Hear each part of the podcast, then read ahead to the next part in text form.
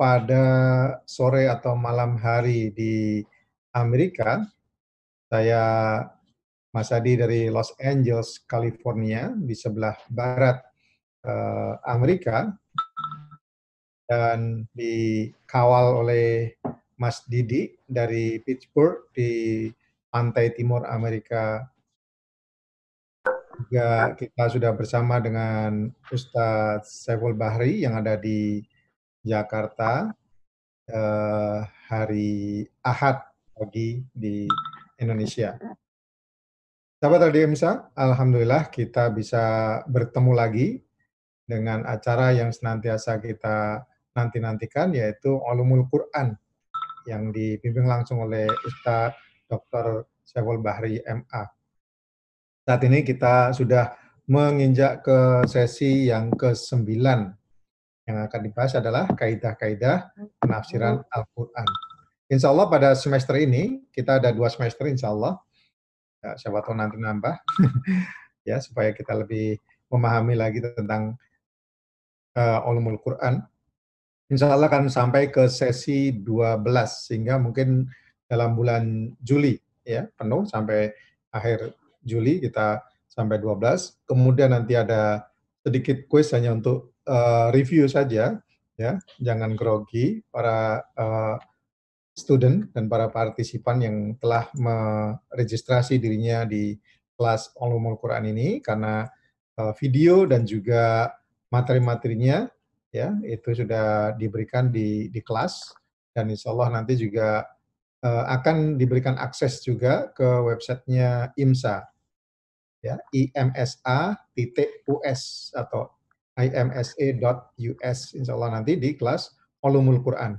Ya nanti ya uh, partisipan diberikan uh, akses ke sana dan insya Allah nanti juga Ustadz Syawal Bahri akan memberikan sertifikat. Ya nanti kalau pas uh, ditanya malaikat uh, apa penjaga gubur berikan aja sertifikatnya. Itu valid dari Ustadz Syawal Bahri. Saya sudah belajar Al-Quran gitu ya Sahabat tim saya yang dirahmati Allah uh, tidak akan mempanjang waktu lagi. Insya Allah Ustadz sudah bersama kita dan semoga semua dalam keadaan sehat walafiat karena semakin panjang kita stay di rumahnya sepertinya. Mudah-mudahan Allah memberikan uh, hikmah yang sangat luar biasa pada kita insya Allah. Begitu tafadhol kepada Ustadz Syawal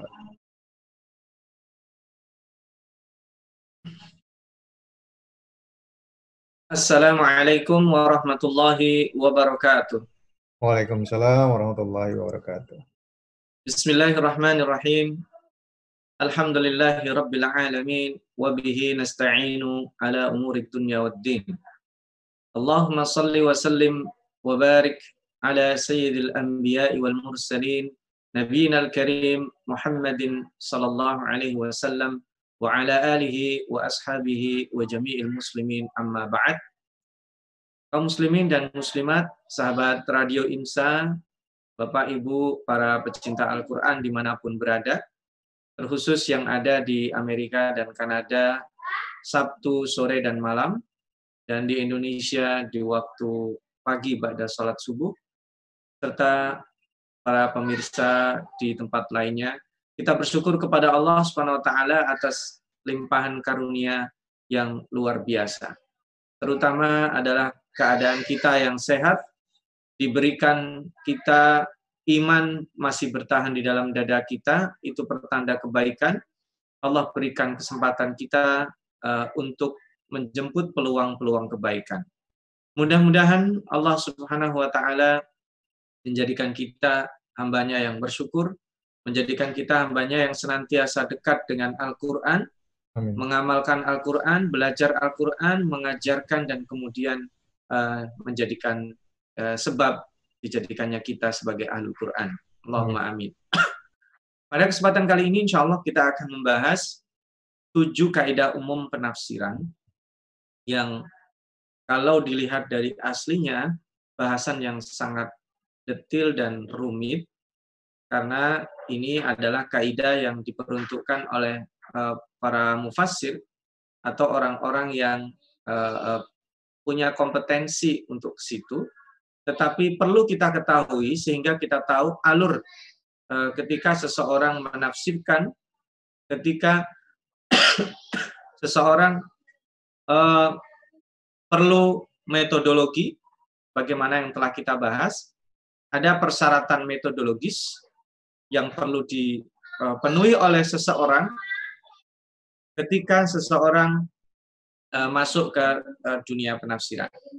Mohon izin, insya Allah Al-Fakir akan sharing screen ya.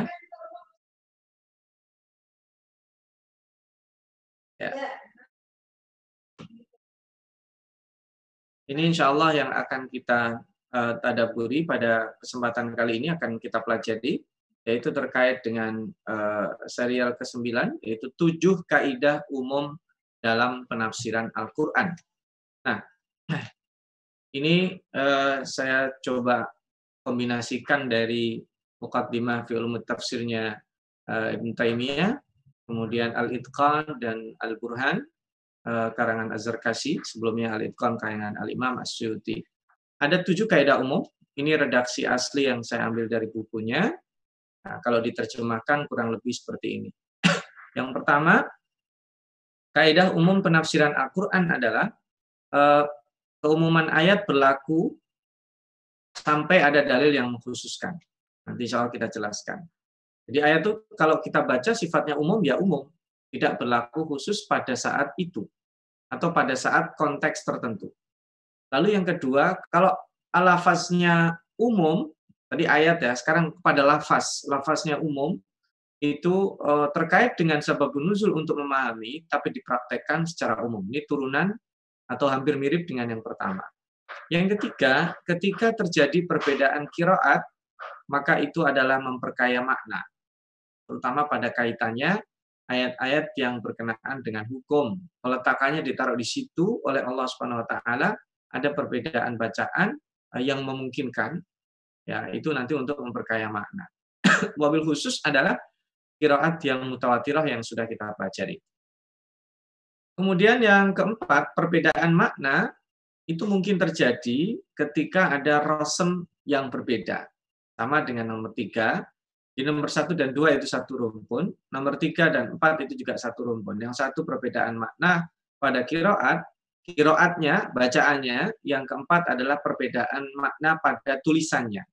Ya, memungkinkan untuk uh, untuk berbeda. Karena dalam bahasa Arab, uh, titik dengan tidak titik saja atau uh, yang fathah dibaca kasroh saja itu memungkinkan untuk berbeda makna. Kemudian yang keenam, susunan kata dalam kalimat didahulukan ditaruh di belakang ya kayak di kita kalimat pasif, kalimat aktif itu memungkinkan untuk um, uh, berbeda maknanya. Maka nanti kita perlu tahu susunannya sehingga dalam terjemahan itu uh, sebagian bisa tereduksi karena mungkin susunan itu tidak dikenal di dalam bahasa Indonesia. Sebagai contoh nantinya eh, perbedaan antara struktur SPOK ya, subjek, predikat, objek dan keterangan. Sementara di dalam bahasa Arab itu dikenal eh, predikat duluan ya, atau kata kerja duluan eh, yang subjeknya tersembunyi. Dalam bahasa Indonesia tidak dikenal fulan makan. Fulan makan rendang tapi kalau dalam bahasa Arab memungkinkan makan fulan rendang. Jadi maksudnya didahulukan kata kerjanya, subjeknya setelahnya, dan kemudian baru objek. Nah itu susunan-susunan itu uh, akan mempengaruhi makna. Baik itu disebut dengan jumlah ismiyah ataupun jumlah fi'liyah. Yang keenam adalah penafsiran ini menggunakan bahasa yang uh, lazim secara umum. Nah, maka nanti ada uh, ini bahasa ini yang lain bukan ini kok. Tapi lazimnya apa? Kalau seseorang ngomong itu, itu lazimnya digunakan untuk untuk apa? Sekalipun itu bahasa digunakan untuk yang lainnya. Dan yang terakhir adalah makna syar'i diutamakan uh, daripada makna bahasa. Jadi nanti ada makna bahasa seperti sholat. Sholat itu makna bahasanya adalah uh, uh, berdoa, makna syar'inya adalah sholat seperti yang kita eh, ketahui. Baik, kita masuk saja di kaidah yang pertama, yakni keumuman ayat eh, berlaku sampai ada dalil yang mengkhususkan. Nah, Contohnya, nah ini bila redaksi ayat itu sifatnya umum, maka uh, uh, dalil ini ya sifatnya umum. Ya, nah, kita bisa melihat misalnya kata-kata di surat Al-Balad. Wa walidin wa ma walad. Walid itu ayah, orang tua, orang tua yang langsung ya. Ya ada perbedaan ya kenapa Allah Subhanahu wa taala bersumpahnya bukan dengan wa'abin, ayah, tapi dengan walid. Ya, walid dan walad. Karena dalam bahasa Arab, walidun itu yang terkait dengan kelahiran kita. Jadi ini adalah ayah biologis. Kalau perempuan disebut walidatun, itu ibu biologis. Karena bisa jadi seseorang itu uh, uh, punya ibu non biologis. Karena itu uh, Allah Subhanahu wa taala itu memerintahkan dua-duanya hormat. Ya. Uh, wasainal insana biwalidayhi. Orang tua biologisnya ihsana, dia harus berbuat baik, umum. Tapi ketika dikasih keterangan hamalathu ummuhu. Nah, hamalathu ummuhu wahnan ala wahnin. Yang hamil itu ibunya. Tetapi nantinya ternyata seseorang itu punya um, punya punya um yang bukan terkait dengan walidun atau walidatun. Misalnya ketika orang tua aslinya sudah meninggal, dia diasuh oleh oleh uh, uh, bibinya misalnya atau diasuh oleh orang ya maka orang itu itu posisinya adalah posisi orang tua dia tetapi tidak tidak bisa dikatakan walidun atau walidatun.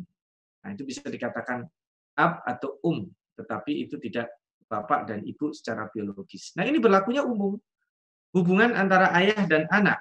Meskipun di dalam tafsirnya itu ada yang menafsiri ini adalah antara Adam dan Bani Adam. tetapi umumnya secara umum wa walidin wa itu adalah Allah bersumpah hubungan antara ayah dan anak. Oh, ini kalau kita tilik di surat Al-Balad itu tema yang sangat dahsyat sekali. Keterkaitan ayah dan anak itu kuat. Dalam pendidikan keluarga, ayah punya peranan penting. Tidak bisa dikesampingkan sebagaimana juga punya peranan pentingnya ibu.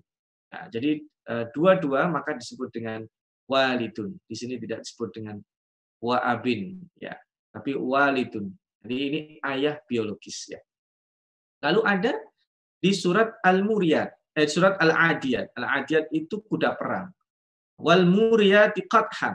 Jadi uh, uh, apa namanya? Muriyat itu sesuatu yang memercikkan. Makanya umum.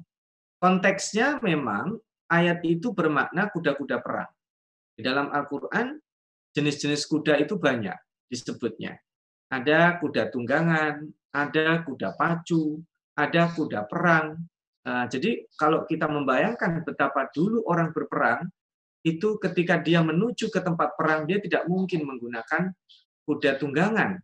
Karena kuda tunggangan itu, atau disebut dengan khail, itu juga uh, uh, yang ditunjukkan kepada Nabi Sulaiman. Tunggangan itu ada tunggangan yang biasa, ada yang luar biasa. Uh, karena Nabi Sulaiman itu, kalau dalam surat Sot, itu kuda tunggangan kalau sekarang yang akselerasinya itu luar biasa jadi uh, ketika uh, uh, apa kalau dalam bahasa bahasa surat Sad itu bukan khail lagi, sofinatul jihad. Jadi kuta tundangan yang paling baik yang punya akselerasi. Kalau ngerem pakem dari ngerem meloncat cepat itu kan kalau bahasa sekarang adalah sport car.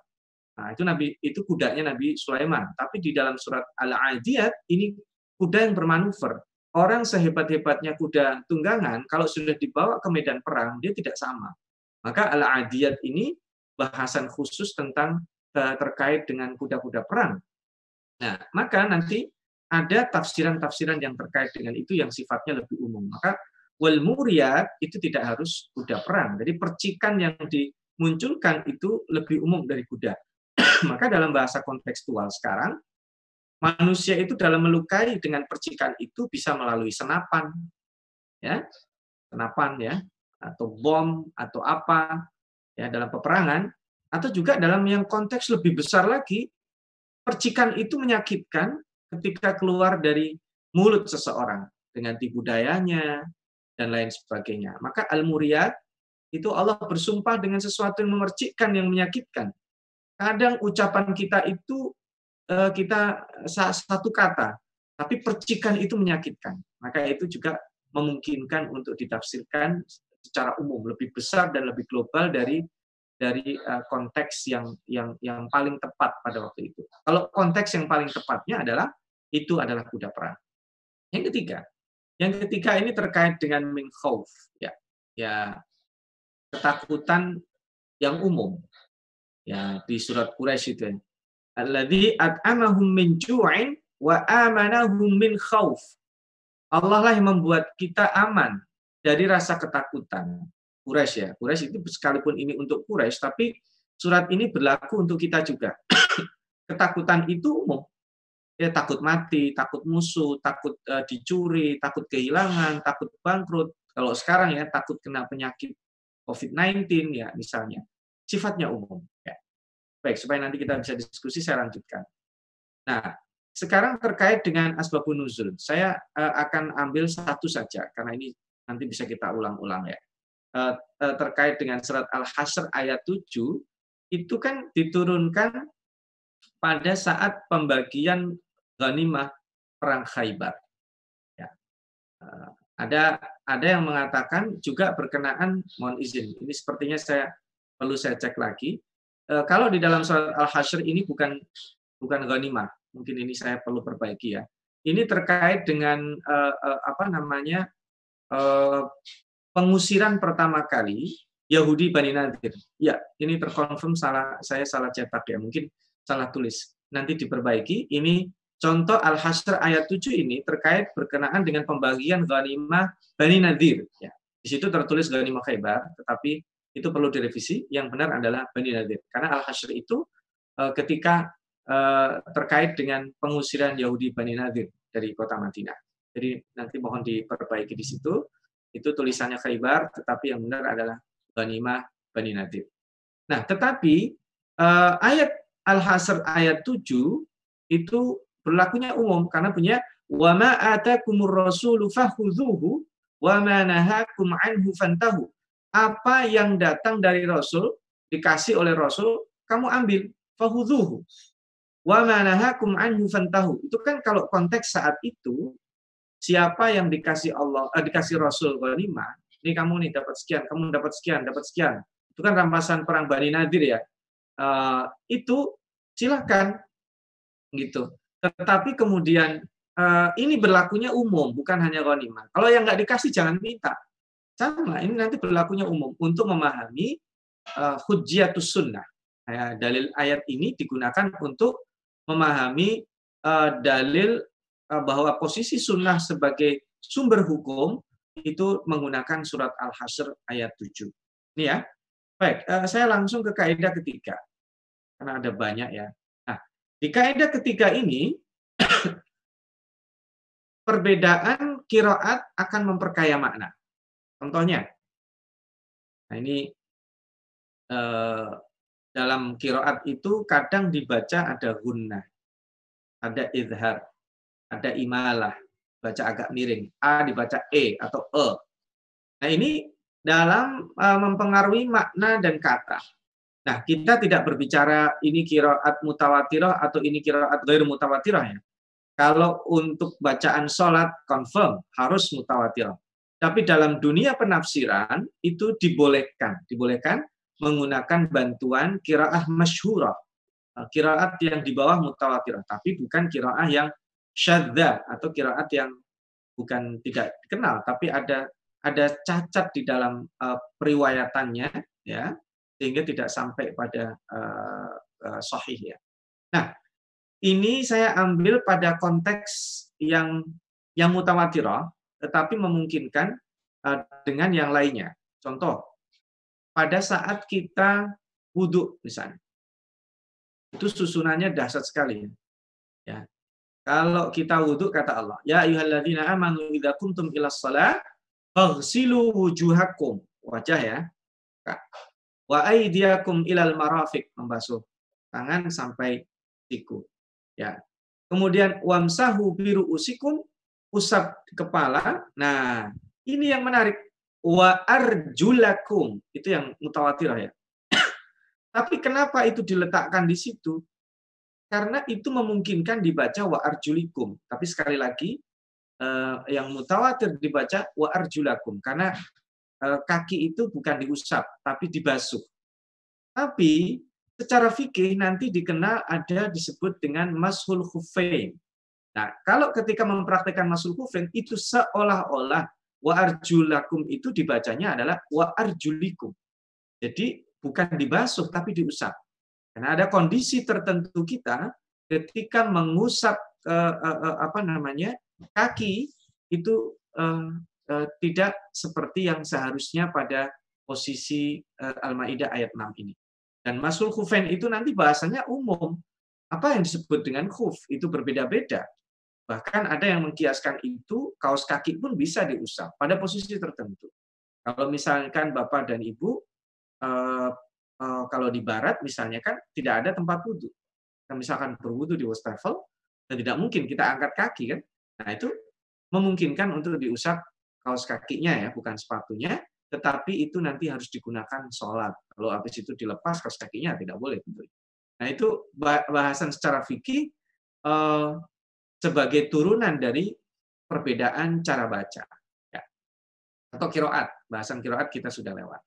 Ini review. Nah, saya uh, masuk ke kaidah keempat terkait dengan uh, perbedaan rasem. Karena perbedaan rasem ini juga bisa berpengaruh. Ya, ini ya uh, tulisannya. Di dalam uh, saya ambil, saya mencoba mencari ayat-ayat yang kita kenal ya, surat-surat pendek misalnya. Surat Al-A'la ayat 6. Ya. Sanukri'uka fala tansa gitu. Kalau ada iya-nya begitu, itu artinya nafi. Tapi kalau iya-nya tidak ada, yang belakang fala tansa, nah itu jangan lupa. Kami akan membaca jangan lupa. Tetapi yang eh, yang dipakai selama ini adalah yang nafi. Artinya jaminan dari Allah. Kami akan bacakan Al-Quran untukmu, eh, dan fala tansa, kamu tidak akan lupa. Jadi jaminan Allah terhadap Nabi Muhammad Wasallam pasti Nabi Muhammad apal Quran. Tapi itu lebih kontekstual kalau seandainya ayat itu untuk kita juga. Sanukriuka fala tansa. Dipendek. Kan yang yang yang yang mutawatir yang kita dengar sampai saat ini kan Sanukri'uka fala tansa illa masya Allah gitu ya. Sanya itu panjang. Tapi uh, ini kalau ada rasemnya sanukri'uka fala tansa illa masya Allah. Jadi itu perintah. Jadi kami udah bacain Quran loh. Kami sudah turunkan Al-Quran loh. Fala tansa. Jangan kamu lupakan. Nah ini uh, terkait dengan ismah dan maksum. Jadi ternyata dibaca ya dengan tidak adanya itu berpengaruh pada makna. Terus lagi di ayat Al-Mutaffifin ayat 3 misalnya. Wa idza kaluhum yukhsir. Jadi kaluhum tanpa menggunakan alif sebelumnya. Itu saya eh, kalau bisa dilihat di eh, di ini ya di desktopnya dilihat di situ kaluhum tidak ada wawunya. Yang satu kaluhum Nah, ini beda. Kaluhum itu maka posisi hum itu kalau ada alifnya itu sebagai objek. Ini kan kalulahum. Jadi kalau uh, kaluhum itu penguat. Jadi kalau mereka menimbang mereka, nah itulah tadi yang saya sebut susunan dalam bahasa Arab itu ada begitu. Kalu itu sudah mereka. Hum kalu, tapi di sini humnya di belakang. Hum di situ penekanan. Iya mereka. Al-mutaffifin. Nah, ini terkait dengan orang yang apa namanya mengurangi timbangan sedikit. Mungkin hanya beberapa saja. Tetapi kenapa itu at-tatfif itu dibenci oleh Allah? Karena ini mental, terkait dengan mentality. Mental eksploitatif. Allah Subhanahu wa taala membenci mental-mental eksploitatif sekecil apa pun itu. Karena Allah menganjurkan kita berpikirnya kontributif. Apa saja kita berpikir kontributif. Selalu. Nah, kita diajak zakat, kita disunahkan bersedekah, disunahkan untuk infak, nah, kemudian dianjurkan untuk membantu Bahkan disebut bahasa Al-Quran qardon hasanah. Nah, itu kan berpikirnya berpikir kontributif. Sedangkan sesuatu yang sifatnya eksploitatif sekecil apa pun, dan nanti itu turunannya ada monopoli, ada riba, memanfaatkan dan sebagainya yang yang itu adalah uh, uh, bisa membahayakan orang lain, menguntungkan dirinya sendiri, berpotensi membahayakan atau merugikan orang lain.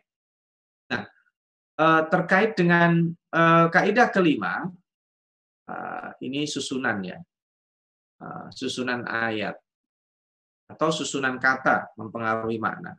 Ini kalau di dalam ayat yang pernah kita pelajari, Bapak Ibu dan para pecinta Al-Quran, menafsirkan ayat itu juga kita harus paham struktur. Ya, tempo hari kalau uh, Al-Fakir pernah sampaikan terkait dengan iya karena abud wa iya karena stain. Ini strukturnya tidak lazim karena objeknya itu didahulukan daripada subjek dan predikatnya. Iyaka hanya kepadamu. Iyaka kalau berdiri sendiri, bomir atau kata ganti di depan itu tidak bisa k, nggak bisa. Itu k itu kalau domirnya di belakang. Nah, buduka wanastainuka. Tetapi kemudian kenapa objeknya itu didulukan? Ini terkait dengan struktur uh, kata di dalam kalimat ya. Strukturnya ya. Objeknya didahulukan, lalu kemudian uh, subjeknya belakangan. Karena ini terkait dengan fokus. Atau ini juga uh, dalam struktur uh, surat An-Nisa 135 dengan struktur surat Al-Maidah ayat 8 kita sudah pernah membahas pada Al-Ijaz Al-Lughawiyah, Al-Ijaz Al-Bayani, dimensi kemujizatan bahasa, bagaimana uh, Al-Qur'an memberikan susunan kunu qawamina bil qisti syuhada'a lillah. Penekanannya adalah pada penegakan keadilan Eh, meskipun sulit pada keluarga dan kerabat. Itu sulit ya. Tetapi pada keluarga dan kerabat itu eh, orang-orang yang kita cintai ketika berurusan hukum dan kita terlibat itu untuk memutuskan seadil-adilnya berat. Makanya Rasulullah SAW menegaskan, seandainya Fatimah mencuri, ya, yang udah sampai satu di disop, maka akan dipotong tangannya. Jadi ini hukum berlaku untuk siapa saja, termasuk untuk Fatimah anakku, kata Rasulullah SAW. Jadi seandainya Fatimah mencuri, ya harus dihukum. Nah, itu yang berat. Penegakan hukum pada keluarga sendiri harus harus adil di sini. Pada keluarga dan kerabat ini uh, uh, berbuat adil itu berat. Makanya kunu kawamin bil Itu saja dalam strukturnya kawam itu bentuk superlatif Qawwam. Qawwam itu bentuk superlatif dari qaimun. Qaimun uh, mukimun mendirikan. Qawwam senantiasa mendirikan. Jadi nggak boleh ah sesekali lah saya tidak adil ini hari ini nggak bisa. Selalu harus adil. Lalu yang kedua, pada struktur surat Al-Maidah ayat 8 itu kan disebut eh, qawamina bil qisti syuhada alillah. Kalau di Al-Maidah awamina lillah syuhada abil qisti. Jadi lillahnya duluan karena ini terkait dengan penekanan. Nanti wala yajrimannakum syana'an itu pada musuh ya. Maaf. Kalau berbuat adil pada musuh, orang-orang yang membenci kita, orang-orang yang yang uh, ada urusan yang membuat kita tidak nyaman dengan dengan mereka, penegakan seperti itu sulit. Cenderung ada nuansa balas dendam. Ada orang suka mitnah kita, berkata-kata buruk tentang kita. Tahu-tahu berurusan hukum dan kita punya uh, uh, uh, apa namanya? ada ada akses ter, terlibat pada pemutusan hukum itu, tentu ada potensi kita tidak berbuat adil. Ya, contoh sederhana aja lah ini orang nggak suka ya suka menjelek-jelekan uh, umat Islam atau kita atau dan lain sebagainya. Tahu-tahu dia kena kena kena urusan hukum itu kepuasan nafsu kita itu ada rasain gitu ya kira-kira. Nah, jadi kita lebih cenderung langsung memposisikan dia ada buruk sama sekali. Padahal sebenarnya kita harus berbuat adil ya, ya eh, kita harus memberikan porsinya. Nah, sekarang eh, kita lanjut ke kaidah keenam. Eh, penafsiran menggunakan yang lazim secara bahasa yang umum. Ya, ini terkait dengan makna khalaq yang diartikan nasib dipahami bahasa lokal, kita sebagai keuntungan yang uh, tidak uh, terduga. lahum min khalaq. Jadi itu khalaq bahasanya umum ya. Kayak kalau kita ini ini ini bahasa yang non Arab ya. Kalau kita di Jawa itu ada disebut namanya lauk itu ikan atau iwa. Maka semua jenis lauk pauk di Jawa itu ya pakai bahasa iwa. Uh, ikan kalau diterjemahkan. Ini ikannya apa? Oh ikannya kambing loh. Kambing kok ikan? Nah itu bahasa bahasa yang umum dikenal di situ. Nah ini kita menggunakan kita perlu mengetahui dalam struktur bahasa Arab apa. Ini, turunnya banyak. Fakir semalam sempat membaca dan e, mengambil yang yang yang yang tidak debatable. Kenapa demikian? Ada loh istilah khomer misalnya. Khomer itu kan istilah yang tidak dikenal hari ini. Tidak ada istilah khomer itu nggak ada. Sekarang sudah bermetamorfosa menjadi bir, ya, menjadi minuman yang memabukkan. Yang itu kemudian orang sebagian mendefinisikan yang mengandung alkohol, padahal tidak. Tidak itu. Yang menjadi ilatnya adalah minuman yang memabukkan.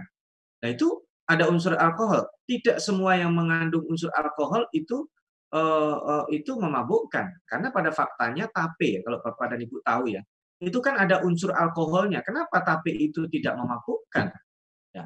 Uh, tapi sementara uh, uh, uh, apa namanya minuman yang ada unsur alkoholnya memabukkan atau bahkan kadarnya itu 0,1 persen atau 0,5 persen atau 5 persen Sementara kadar alkohol yang ada di tape itu tinggi. Kenapa tidak memabukkan? Tidak adil. Karena elatnya bukan itu. Umumnya bahasa khamr itu yang memabukkan. Makanya nanti turunannya debatable itu. Ya, turunannya debatable. Kenapa? Karena nanti sampai kepada, kenapa kalau saya ke Amerika misalnya, mau beli oleh-oleh untuk keluarga saya, nyari coklat, itu saya harus lihat kandungannya yang tidak ada alkoholnya.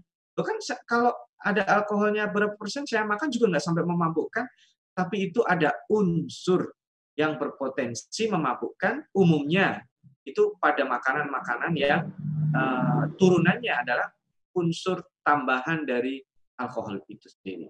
Nah ini agak rumit karena memang nanti lari kepada sampai kepada ini boleh atau tidak. Ada minyak wangi yang beralkohol. Kalau al sendiri cenderung tidak ada kaitannya. Artinya kalau kita pakai minyak wangi yang beralkohol uh, tetap boleh gitu. Sama dengan tisu basah ya, tisu basah itu kan beralkohol. Ketika kita uh, habis makan gitu, kemudian kita pakai tisu basah atau sekarang hand sanitizer, nah, kita tidak perlu cuci apa namanya cuci untuk membersihkan itu karena itu dianggap najis karena itu kan berpotensi uh, makna itu uh, melebar ke mana-mana. Ya termasuk uh, termasuk nanti unsur buah-buahan konon saya mungkin tidak paham nanti yang paham bisa menambahkan bahwa di buah-buahan sendiri itu ada unsur alkoholnya. Beda kalau kata-katanya udah letterlek, ya disebutkan uh, uh, yang diharamkan itu adalah uh, al, al, al, apa namanya al khinzir, babi. Maka itu ya bukan yang bukan hanya sekedar potensi, semua turunannya itu tidak harus yang harus dimakan. Semua turunannya, sikat gigi, bayang nggak? Ada sikat gigi, kosmetika, ya, kemudian apa namanya uh, uh, uh, uh, kalau makanan udah pasti ya minyak yang yang dari minyaknya yang dari unsur-unsur itu tidak boleh sama sekali.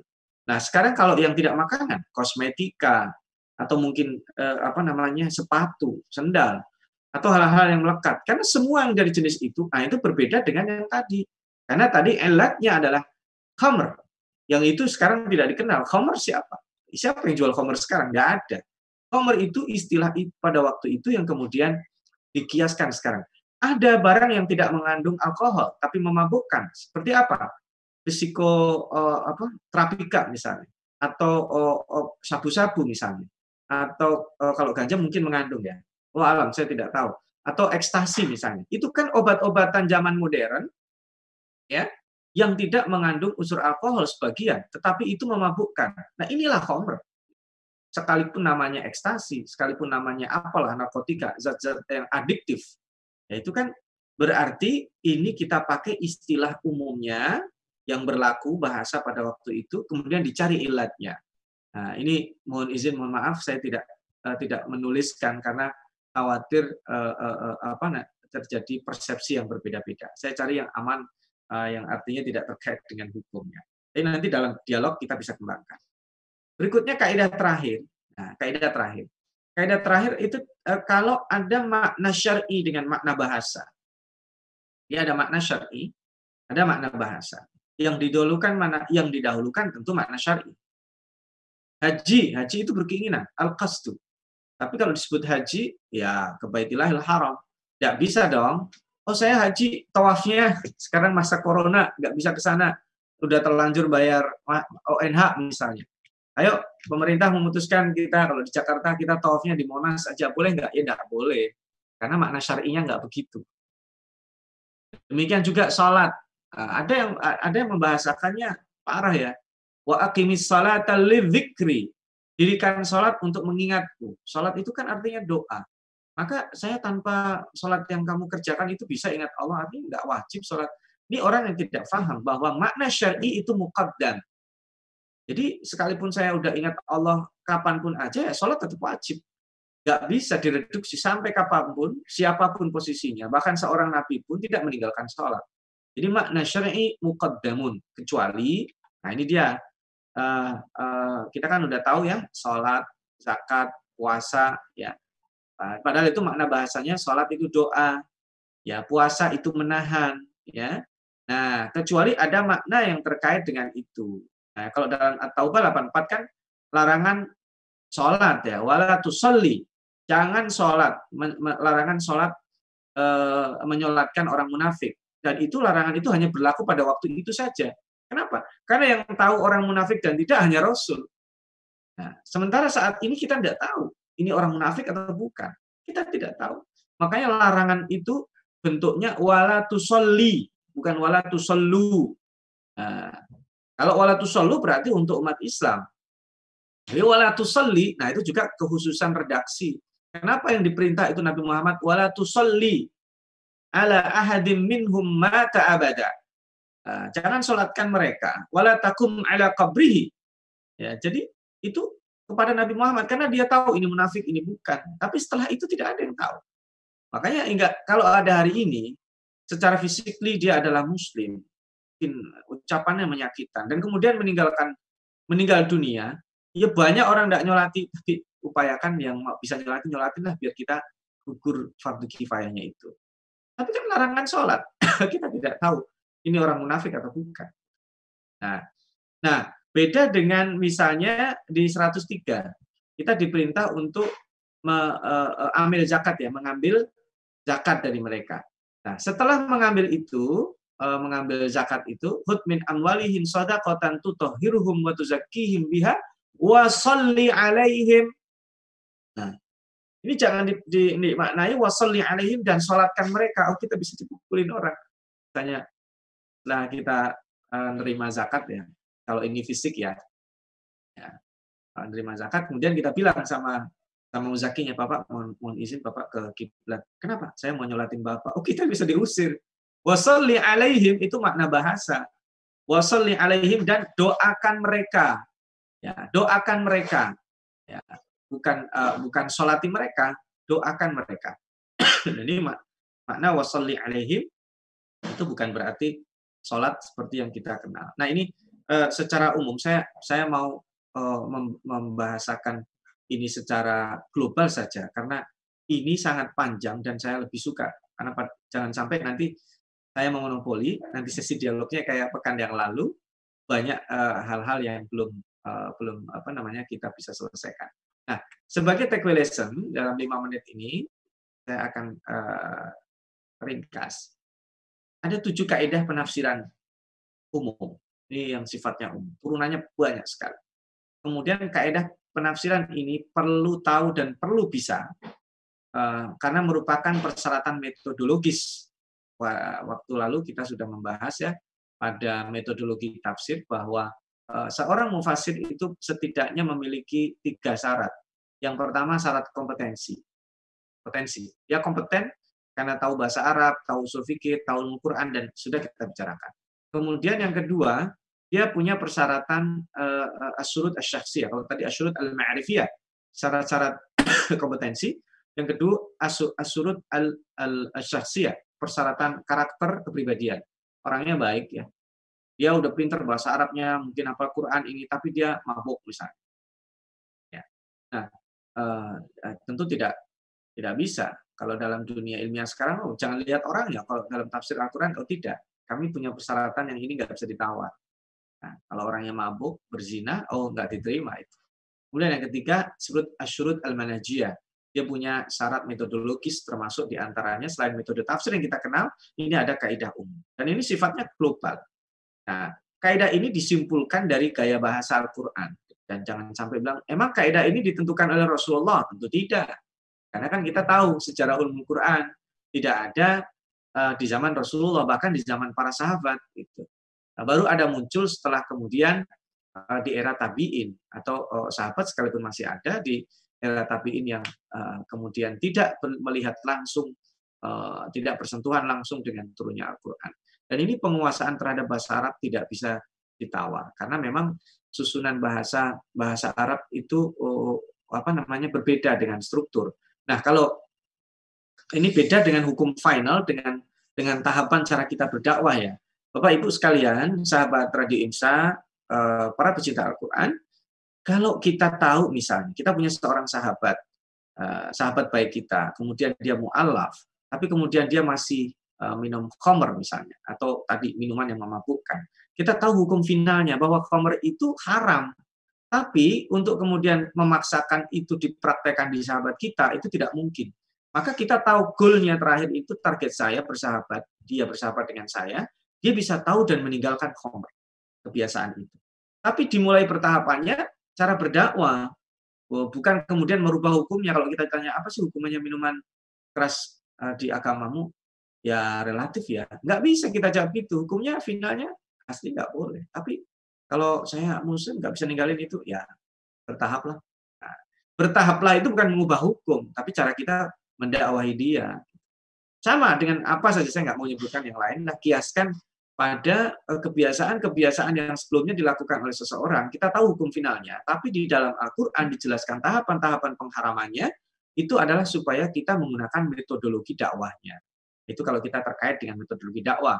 Nah, sekarang kita metodologi penafsiran, yang kita sudah bahas uh, pada pertemuan-pertemuan yang sebelumnya, uh, metodologi penafsiran dan corak tafsir ya, uh, kita sudah bahas dan saya tidak mengulangi, silakan dirujuk ke sana.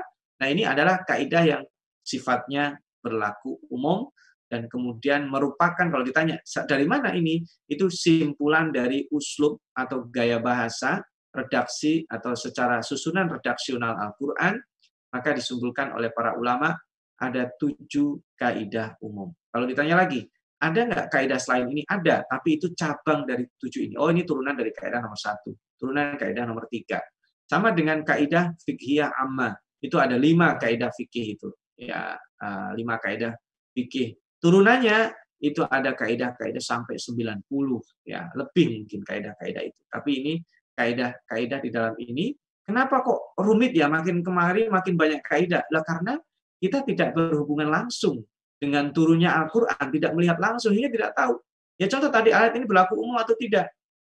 Turunnya ayat hijab, jilbab. Itu kan eh, kalau dilihat sebabnya itu kan uh, ada yang mengatakan politis karena untuk membedakan ini ini orang merdeka atau ini bukan, ini istri Nabi atau bukan. Identitas terkait dengan identitas dan itu sebabnya sesuatu yang mungkin kalau disebut uh, dulu tidak ada toilet di dalam rumah. Kalau untuk buang hajat jauh, tempatnya jauh. Dan itu digodain di jalan dan Umar tidak nyaman istri Rasul digodain itu. Lalu turunlah ayat itu. Nah sekarang toilet di rumah, di dalam rumah. Kemudian identitas sudah jelas, siapa sayanya, siapa uh, perempuan ini siapa, jelas. Uh, apakah kemudian secara secara uh, secara automatically kewajiban menutup aurat seperti itu bagi perempuan tereduksi? Tentu tidak, karena sifatnya umum. Itu sebab konteks yang tertentu. Nah ini ada orang yang memaknai bahwa oh ini tidak, ini apalagi saya hidup di lingkungan barat, jadi tidak wajib. Nah itu bedakan antara hukum final dengan cara kita berdakwah. Misalnya nanti ada muslimah yang tidak berhijab. Ya kita tidak melihat dia sebagai dosa, uh, orang yang berdosa yang yang kita lebih baik dari dia, bukan itu. Hukumnya bagaimana? Ya, kasih pemahaman supaya dia nutup aurat. Kalau dia tidak mau, ya kan tahapan. Sampai kemudian dia uh, memutuskan sendiri. Seperti sholat. Sholat ini ada juga muslim yang tidak sholat. Bukan kemudian mengubah hukum sholat menjadi tidak wajib bagi dia. Nah, tapi bertahap cara menyampaikan itu dan berdakwah kepada dia. Ini luar biasa Nah, dari ayat Al-Quran itu turunan metodologinya sangat banyak. Metodologi dakwah, metodologi penanganan krisis, metodologi apa saja ada di sana, dan itu diturunkan dari redaksi gaya bahasa Al-Quran yang tidak mungkin kita dapatkan kalau hanya sekedar otodidak kita belajar melalui terjemahan dan tidak menguasai bahasa. Ini saya kuatkan lagi.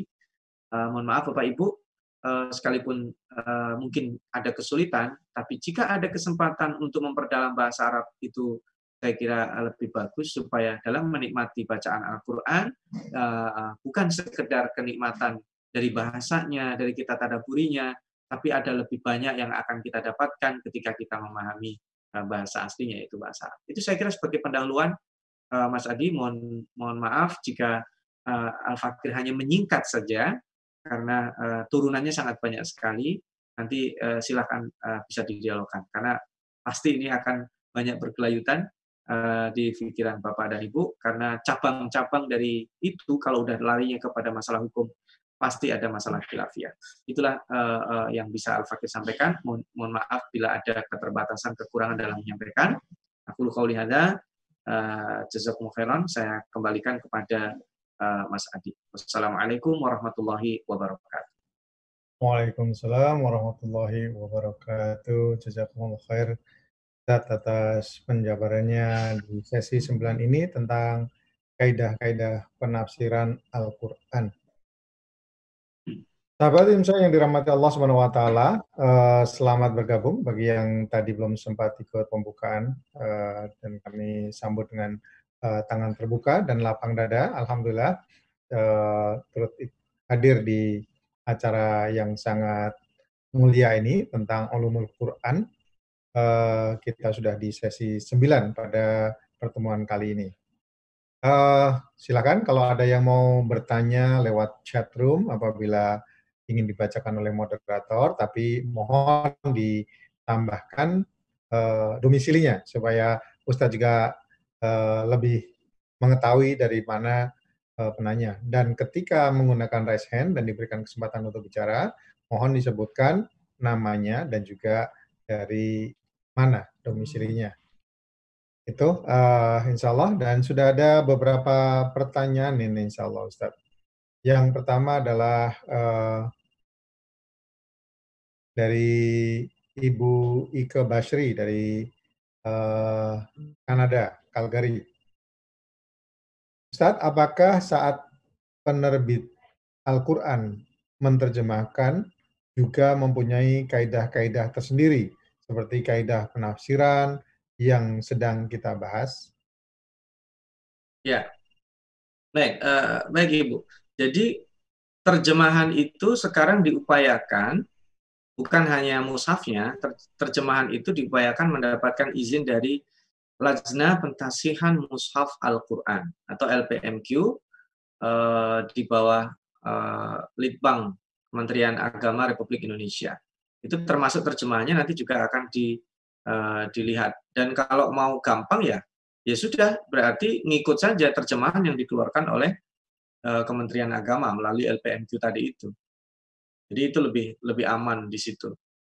Ya ada juga dua nanti terjemahan itu yang yang akan diadopsi oleh uh, apa namanya mushaf yang dikeluarkan oleh Madinah kan dia juga mengeluarkan sesi berbagai bahasa ya. Tapi sekali lagi terjemahan itu berat sekali. Al Fakir pernah ikut sidang-sidang plenonya dan itu kadang untuk ayat-ayat tertentu sulit ya. Sulit sekali. Sulit diterjemahkan karena itu hanya bisa dijelaskan dengan dengan dengan uh, penafsiran. Contoh uh, tempo hari yang kita tadaburi tentang nusus saja. Nusus itu artinya apa? Tidak bisa diterjemahkan. Nusus itu kondisi yang menyebabkan hubungan suami istri terganggu. Jadi ada posisi tertentu suami istri tidak harmonis. Nusus itu disebut nusus.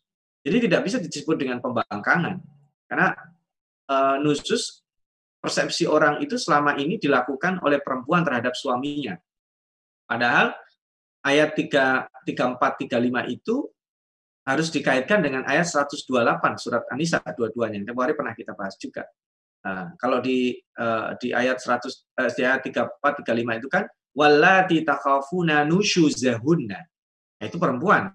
Tapi di ayat 128 wa ini mra'atun wa ini mra'atun khafat min ba'liha nusyuzan au i'rada. Nah, itu artinya tentu tidak bisa kalau disebut membangkang. Kok suami membangkang pada istrinya? Nah, itu itu itu itu sehingga tidak bisa diterjemah. Bahkan even itu yang sudah menjadi bahasa Indonesia, ridho misalnya. Ridho itu apa? Nah, kita tidak bisa. Apa bedanya ridho, ikhlas? Itu sulit sekali. Kalau uh, makanya kata-kata itu sekarang cenderung tidak diterjemahkan. Karena sulit. kalau bagi kita merasakan saya saya ikhlas Ustaz. Uh, misalnya ada keluarga kita yang meninggal, saya ikhlas, saya ikhlaskan. Nah, itu bukan ikhlas namanya, itu ridho. Ridho bil qadha. Nah, kalau kalau kita kehilangan itu ridho. Kalau kita memberi itu ikhlas. Kalau kita berbuat itu ikhlas. Nah itu uh, standar penerjemahan. Nah itu belum kita bahas secara khusus ya. Dulu kenapa pertama terjemahan itu dilarang itu karena khawatir mereduksi. Tapi sekarang kan ada kaidah. Karena tidak mungkin orang itu mengkonsumsi tafsir yang tebal. Terjemahan itu uh, relatif uh, lebih pendek. Makanya kemudian ada istilah bukan terjamatul Quran, tapi terjemah ma'anil Quran, menerjemahkan makna. Jadi sekalipun literal tetap makna, tidak bisa uh, apa namanya presisinya sampai 100%. Pada sebagian kecil ya, kalau sebagian umum makna itu bisa terjemahkan. Tapi sebagian kecil istilah, saya kira Bapak dan Ibu, itu ada kata-kata yang in English itu tidak bisa diterjemahkan dalam bahasa Indonesia atau juga in Japanese kalau dalam bahasa Jawa di Indonesia kan juga ada hal-hal yang tidak bisa. Itu saya kira uh, wallahu alam. Iya. Men mengindonesiakan bahasa Jawa gitu. Ya, alhamdulillah. Oh, mohon maaf ini ada satu yang terlewat tadi harusnya uh, sesepuh kita nih uh, Bapak Duta Mardin Umar dari Virginia. Pertanyaannya adalah banyak kitab tafsir Al-Qur'an di Indonesia kitab tafsir mana yang Ustadz rekomend yang pernah muncul? Ya, ditanyakan kembali. Ya, ya. Uh, kalau buku tafsir ini kan uh, tergantung pertama kebutuhan kita ya. Kalau kebutuhan kita adalah untuk uh, uh, mempelajari secara sederhana, tentu kita uh, mengkonsumsi tafsir ringkas ya. Tafsir ringkas itu bisa dengan tafsir Jalalain, atau tafsir ringkas yang dikeluarkan oleh uh, Kemenak atau tafsir ringkas yang dikeluarkan oleh Dr. Preshev juga ada atau terjemahan yang sudah ada. Bahkan Mesir juga mengeluarkan ulama-ulama uh, uh, Timur Tengah dan itu semuanya sudah beredar. Uh, itu in Indonesian. Kalau in English mungkin saya kurang tahu ya. Uh, ada juga kemudian berkembang di atasnya. Dalam bahasa Indonesia ada tafsir Buya Hamka, dulu ada tafsir Muhammad Yunus, yang sekarang terbaru adalah Profesor Dr. Presya dan beliau masih ada. Salah satu uh, pakar tafsir kita. Jadi kita melihat itu adalah hazana. Uh, kita uh, bahasa merekomendasikan itu kan umum ya. Uh, makanya saya tanya balik uh, ingin ingin dijadikan apa? Referensi. Ya kalau referensi ada rezeki dibeli saja. Uh, tapi sebagai uh, sebagai pemula Eh, di atas terjemahnya kita tafsir ringkas. Jadi tahapannya begitu. Terjemah, kemudian saya, saya kayaknya kurang ini. Tafsir ringkas. Kayaknya kurang. Tafsir setelah itu. Nah, jadi uh, kita perlu hazanah tahu perkembangannya ya dari Mahmud Yunus, uh, mungkin Ahasan uh, itu yang ringkas ya, sampai kemudian lebih tinggi lagi uh, apa Buya Hamka itu Al Azhar, lalu kemudian lebih panjang lagi, lebih lebar lagi yaitu uh, Quraisy al-Misbah. Nah, itu Hazana dan ada buku khusus terkait dengan eh, tafsir-tafsir uh, di Nusantara dari sejak yang zaman bahala kalau bahasa kita sampai yang sekarang. Nah, ini kalau sebagai referensi sih uh, oke okay saja. Itu saya kira singkatnya. Wallahu a'lam. Ya ingat ke uh, Hasan itu beliau lebih banyak ke fikih ya fikih-fikih sholat dan sebagainya. Ternyata beliau juga bikin tafsir juga ya, masya Allah. Ya ya. Berikutnya adalah uh, pertanyaan dari Bapak Munandar, Toronto, Kanada. Assalamualaikum Ustadz. Waalaikumsalam warahmatullahi Seorang teman menanyakan, apakah bacaan sholat itu dari Rasulullah ataukah dari Allah? Bagaimana saya menjawab, Ustaz? Jazakallah khair. Mungkin juga berkaitan dengan tasyahud mungkin Ustaz, apakah ada yang pakai sayyidina dan sebagainya mungkin. Oh, Ustaz. Ya, oh, bacaan eh, sholat ya, ya itu kan uh, kalau bacaan di dalam sholat itu kan dari dari Allah tuntunan semuanya. Tetapi kemudian kalau kita sholat itu kan ada hadisnya, selalu karena tumuni usalli. Lihatlah aku sholat. Nah, karena itulah justru di dalam sholat hal yang paling sakral itu terjadi banyak perbedaan. Justru kita nikmati perbedaan itu tidak kemudian membuat kita cara sholat Rasulullah itu hanya satu. Apalagi terkait bacaan, wow itu riwayatnya puluhan. Yang kita baca di dalam sholat itu puluhan riwayatnya dimulai biasanya orang dari takbiratul ikhlam doa iftitah. Kita selama ini doa iftitah itu politis. Ya. Bacanya apa? Oh ini ormas A. Bacanya oh ini ormas B. Padahal tidak tidak masalah ormas, itu kebiasaan saja. Gitu.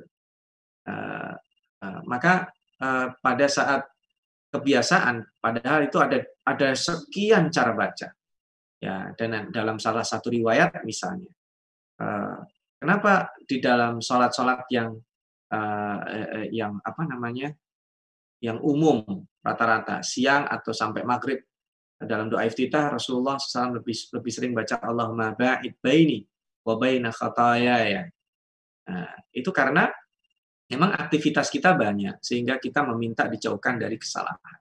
Lalu kemudian ada juga uh, uh, ini wajah tu wajhiyah itu juga dibaca doa iftitah itu oleh Rasulullah Shallallahu Alaihi Wasallam. Tapi lebih sering dibacanya di sholat-sholat malam, isya atau sholat malam yang lainnya. Itu jadi sehingga kita tidak politis bahwa nanti oh, doa iftitah kamu apa? Kita ingin mengidentifikasi orang secara politis kadang. Oh ini, oh ini nggak sama saya. Akhirnya kita tersekat secara politis. Padahal itu uh, dalilnya dua-duanya ada. Nah, sama. Kemudian masuk lagi ke Fatihah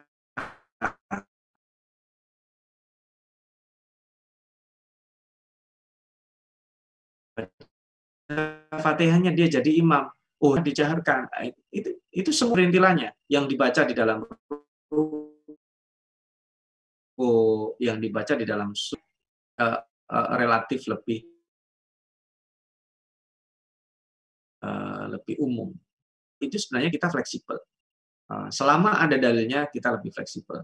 Nah, kalau ditanya terkait dengan tasyahud tadi, uh, bacaan yang Raji kalau dalam sholat ya, ya mungkin kalau tadi ditanya ada Sayyidina atau tidak ya Al-Fakir lebih lebih condong karena uh, riwayat yang paling banyak yang bukan hanya paling banyak riwayat yang lebih otoritatif tidak menggunakan itu di dalam sholat.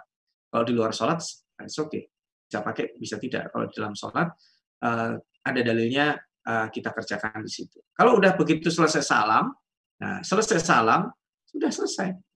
Nanti di situ ada orang meributkan lagi, boleh salaman atau tidak, boleh ini atau tidak. Itu sudah selesai salam, sudah sudah selesai. Maka kita tidak perlu meributkan hal-hal seperti itu. Dalam sholat saja, masalah furu' dalam sholat banyak sekali dibahas. Dan itu justru menurut saya menjadi rahmat tersendiri uh, ternyata fleksibel. Tapi kalau bacaan Al-Quran di dalam sholat, ya itu terkunci. Harus Al-Quran. Al-Fatihah, setelah Al-Fatihah nggak boleh baca hadis kutsi, nggak baca nggak boleh baca hadis, nggak boleh baca yang lain-lainnya. Itu harus dibaca Al-Quran karena itu tuntunannya dari Rasulullah SAW. Itu terkunci di situ. Kalau di luar bacaan-bacaan doanya itu sangat banyak sekali. Apalagi dari sejak tadi doa iftitah kok diributkan, itu itu pun hukumnya sunnah gitu. Ya. Nah, itu saya kira. Allah alam. Allah khair. Alhamdulillah mudah-mudahan uh, Pak Munandar terpuaskan oleh uh, jawaban dari Ustaz. Hmm. Oke, berikutnya ada yang uh, ingin berbicara langsung dengan Ustadz, ini Pak Rustianto Mahmud. Silakan uh, di-unmute. Oke, terima kasih Mas Adi. Assalamualaikum warahmatullahi wabarakatuh. Waalaikumsalam warahmatullahi wabarakatuh. Uh, Pak Ustadz, saya pengen uh, balik lagi ke dua poin yang tadi di awal Pak Ustadz sebutkan, hanya untuk mengkonfirmasi saja ya. Yang pertama, ketika Ustadz menjelaskan memberikan contoh tentang kata arjulakum atau arjulikum ketika membasuh kaki uh, untuk ber um, kalau saya atau kebanyakan mungkin uh, saudara-saudara kita di yang tinggal di sini uh, mungkin di Jakarta juga ya kan kalau ketika uh, kita berwudu mengangkat kaki ke sink itu kan orang nggak akan terima gitu ya nggak suka gitu. Ya angkat kakinya ke situ.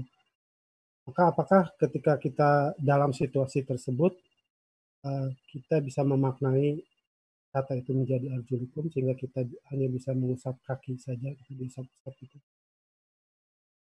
sehingga wudhu kita tetap sah gitu. itu satu. Yang kedua uh, tadi ketika Ustadz juga memberikan contoh kata di surat Al-Adiyat untuk kuda perang itu uh, saya coba buka surat Al-Adiyat itu ya uh, kemudian saya perhatikan itu eh, ayat-ayat uh, di surat tersebut uh, saya mendapati kalau di lima ayat pertama ini uh, surat ini bercerita tentang kuda perang itu ya. Dan kemudian di di ayat ke-6 dan seterusnya topiknya berubah sama sekali gitu ya menceritakan atau ber, menuliskan tentang sifat-sifat manusia saya kira seperti itu ya um, saya pengen tahu kalau untuk menjelaskan Eh, keseluruhan dari ayat ini, surat-surat ini maksud saya, dari tujuh kaidah yang telah disebutkan di atas, kira-kira kaidah mana yang bisa menjelaskan, uh, menafsirkan surat Al-Adiyat ini secara keseluruhan? Uh, pertanyaan saya, Terima kasih. Assalamualaikum Waalaikumsalam warahmatullahi wabarakatuh.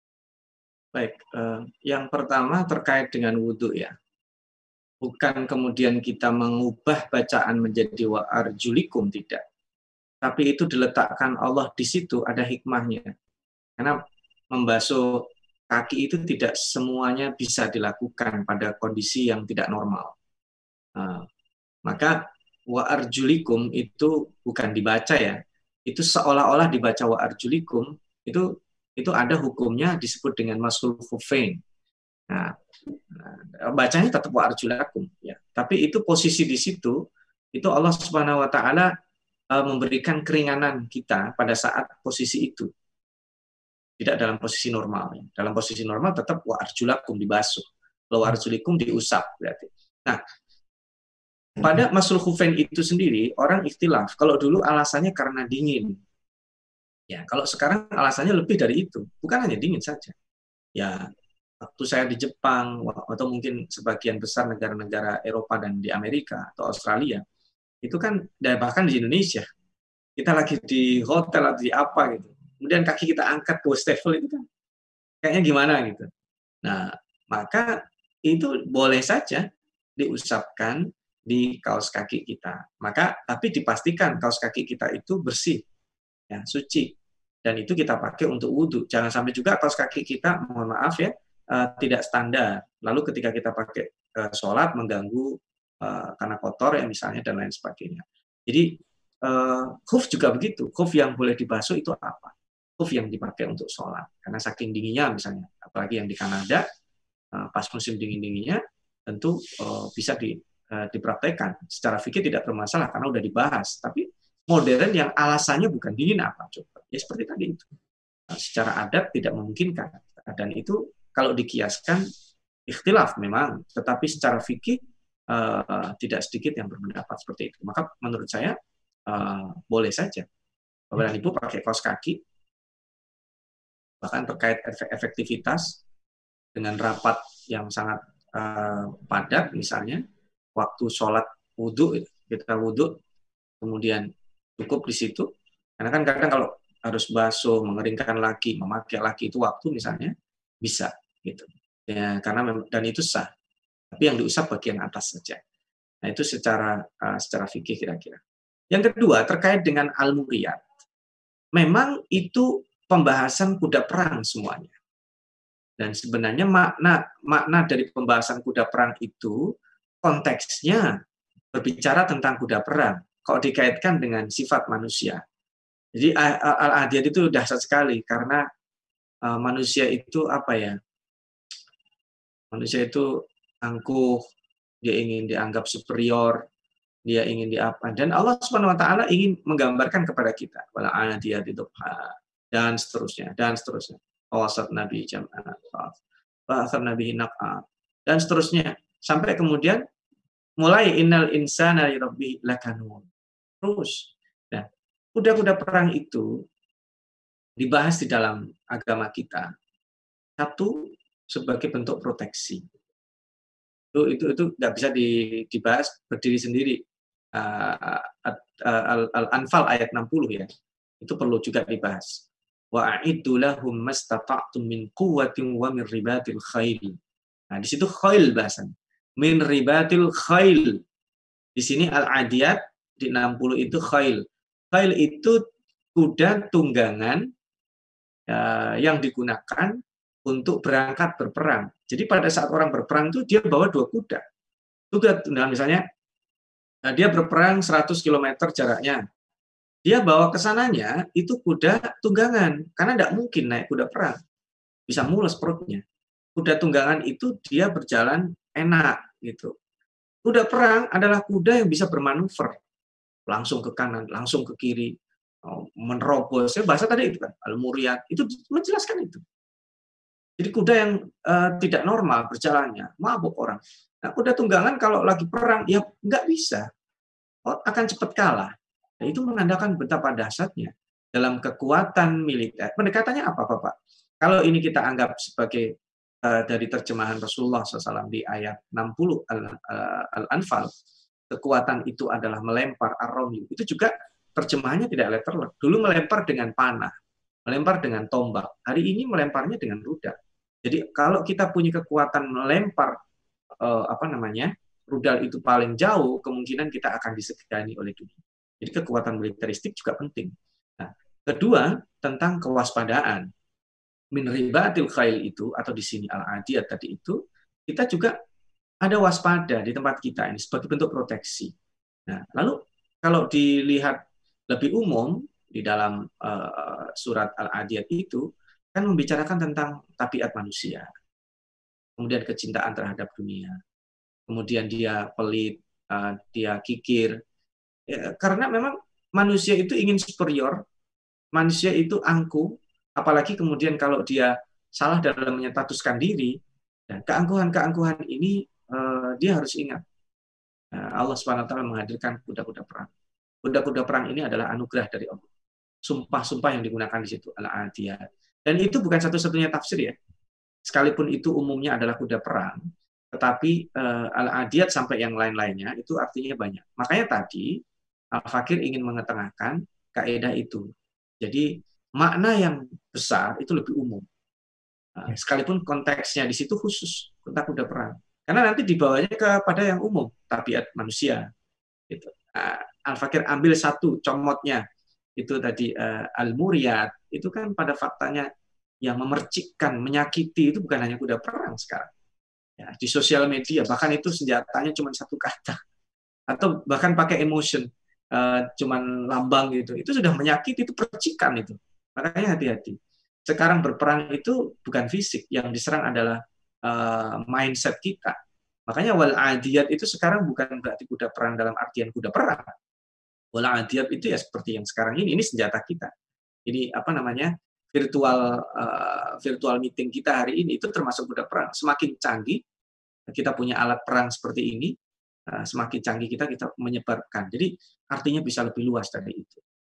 Jadi memang uh, uh, untuk al adiyat itu konteksnya umum, lebih lebih lebih enak diterjemahkan konteksnya umum umum sekalipun para mufassirin itu menafsirkan al-adiyat dan seterusnya itu terkait dengan kuda-kuda perang karena berkaitan dengan tadi eh, mungkin Al-Fakir di lain kesempatan pernah menyampaikan tentang mutual protection antara umat Islam. Setelah mutual eh, understanding, ada mutual respect, ada mutual protection. Kita harus saling menjaga dan perangkat saling menjaga salah satunya adalah dengan eh, kuda kuda perang. Allah alam itu saya. Ya, Insyaallah. Jazakumullah khair. Ustaz.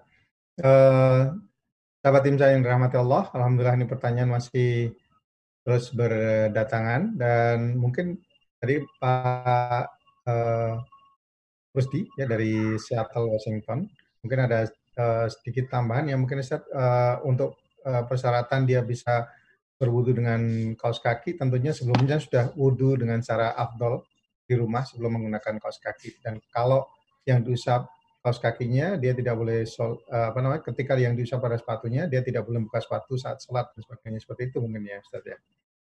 Iya, iya. Uh, uh, diupayakan pada saat dia dia hendak memakai kaos kaki itu sudah wudhu ya.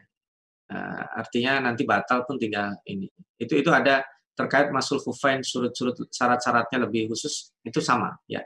Jadi kita setelah ini berwudhu pakai kaos kaki. Gitu. Jadi itu sama ya. Uh, cara uh, apa secara fikihnya kurang lebih seperti itu. Itu saya kira. Ya. Oke, berikutnya dari uh, Pak Rido dari Portland, Oregon. Assalamualaikum Ustadz, bagaimana menafsirkan kata juz haluna di surat Al-Ahzab ayat 56?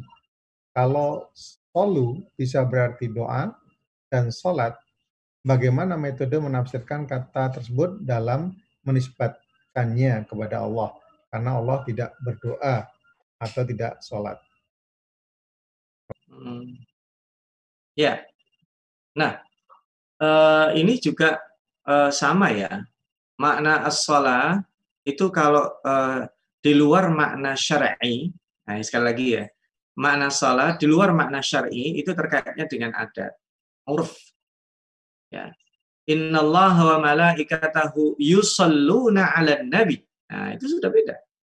Salawatnya Allah dengan malaikat, dengan alam, dengan manusia itu berbeda. Selain Allah, salawat itu mendoakan. Yang makna bukan, makanya ada pertanyaan kalau dalam bahasa Arab. Uh, salat apa yang tidak perlu wudhu? Ya, as-salatu ala nabi, nggak perlu wudhu kita bersalawat kepada Nabi. Tapi kalau uh, Allah, innallaha dan terusnya ya, yusalluna, kok dijadiin satu? Innallaha wa malaikatahu yusalluna, kok salat? Nah, sholat di situ tentu tidak tidak bermakna uh, syar'i. Sholat di situ bermakna bahasa. Dan makna bahasa banyak. Nah, maka makna sholat di situ artinya bukan berdoa, tetapi Allah menurunkan rahmat. Jadi uh, menurunkan rahmat. Kenapa kok di yang dipakai sholat? Karena supaya kamu melakukan. Kalau kamu minta kepadaku, ya supaya uh, merahmati Nabi Muhammad, aku melakukannya langsung tanpa engkau minta. Gitu. Kira-kira begitu. Jadi itu bahasanya juga menggunakan yusalluna, present continuous kan, berlangsung terus gitu. Yusalluna. Ada yang memintakan doa untuk dia atau tidak ya tetap Allah memberikan itu yusalluna Allah dan malaikat. Kalau manusia nggak ada yang bersolawat Allah dan malaikat. Bersolawat itu bukan berarti membacakan doa, tapi artinya merahmati di situ. Ya sama dengan uh, nasullaha fanasiyahum. Mereka melupakan Allah, maka Allah melupakan mereka. Nah, itu beda.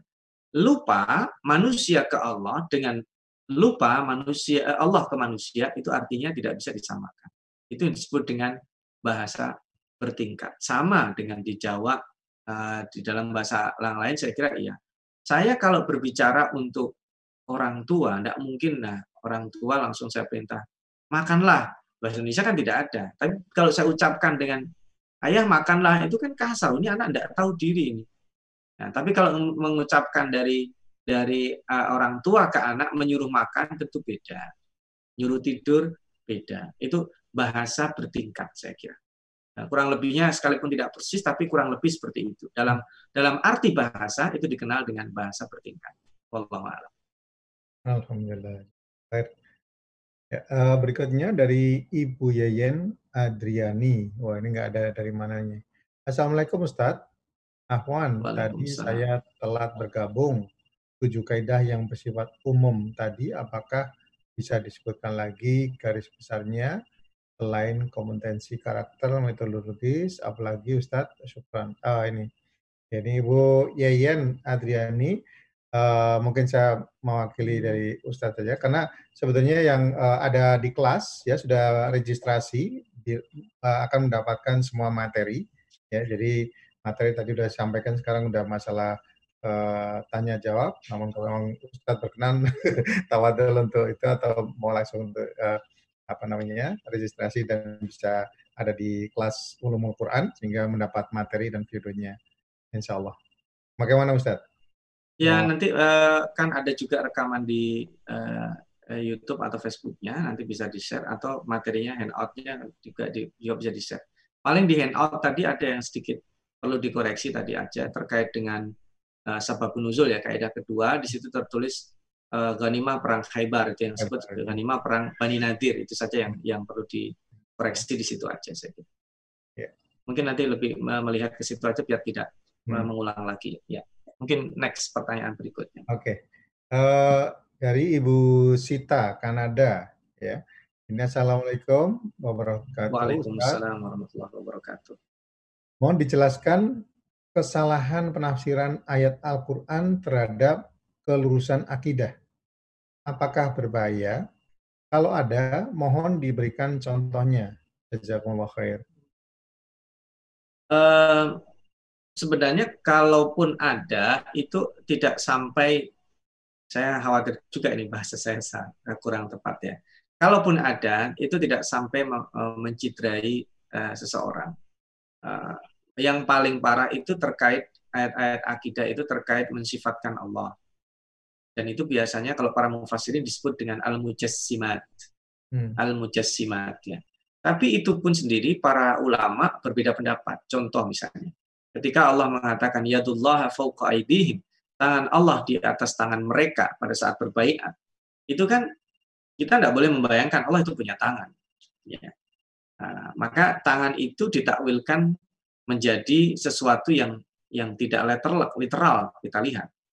Nah, tapi ada sebagian ulama yang mengatakan Allah punya tangan, tapi kita nggak perlu bertanya, oh, kok Allah punya tangan? Ya udah itu urusannya. Nah, jadi ada ada dua penafsiran. Dan itu tidak ada yang mengatakan, oh ini kafir. Tapi kalau jelas-jelas mujassimat, nah itu baru yang mengganggu. Mujassimat itu kalau kita bendakan, kita bendakan Allah itu, Allah ada tangannya kayak tangan kita nih. Nah itu baru yang membahayakan akidah. Jadi kalau penafsiran ulama tadi kan dia nggak usah ditanya. Kalau Imam Malik mengatakan eh, al istiwa ma'lum wasu'alu anhu bid'ah. Jadi ketika in uh, ar-rahmanu 'alal arsyistawa, Allah bersemayam di atas singgasananya. Kita kebayangkan kalau raja punya singgasana duduk kursi kayak begini.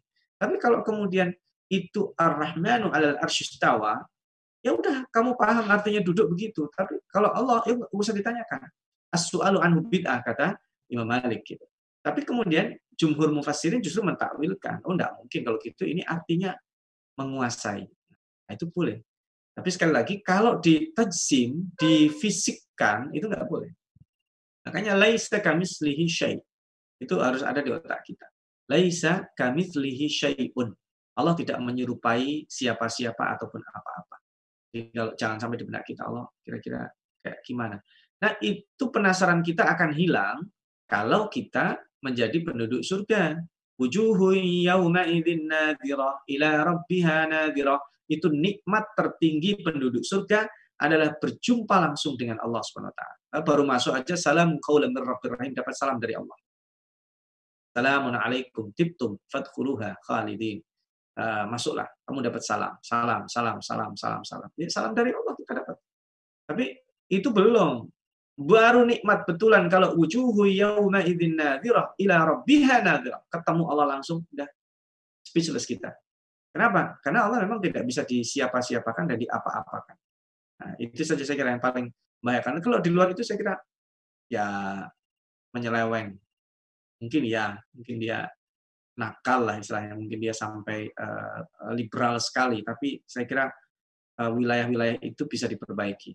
Nah, kalau sampai mengganggu akidah, asal tidak al-mujassimat. Kalau sudah al-mujassimat, bahkan termasuk tafsiran wihidatul wujud kulhuwallahu ahad itu uh, kalau beneran itu tafsirannya tidak seperti yang difahami. Tapi kalau karena sulit menjelaskan, maka kemudian para ulama udah tafsiran wihidatul wujud itu tidak tidak boleh diedarkan karena berpotensi menyesatkan. Nah, gitu saya kira. Karena kan kalau uh, saya adalah Allah, Allah adalah saya itu kan seperti wihidatul wujud. Padahal maknanya bukan itu. Uh, nah, ada juga orang mengatakan Allah ada di dalam karena min hablil warid itu akrabu min hablil warid lebih lebih dekat dari apa namanya urat nadi yang ada di leher. Berarti Allah ada di sini. Nah, maksudnya bukan itu. Jangan ditajim, jangan difisikkan. Ya, memvisualisasikan selain Allah bisa, tapi Allah tidak boleh divisualisasikan. Itu saya kira. Wallah Ya, alhamdulillah. Jazakallah khair. Ya, ini ada masih ada pertanyaan uh, apa lagi ya? Insya Allah.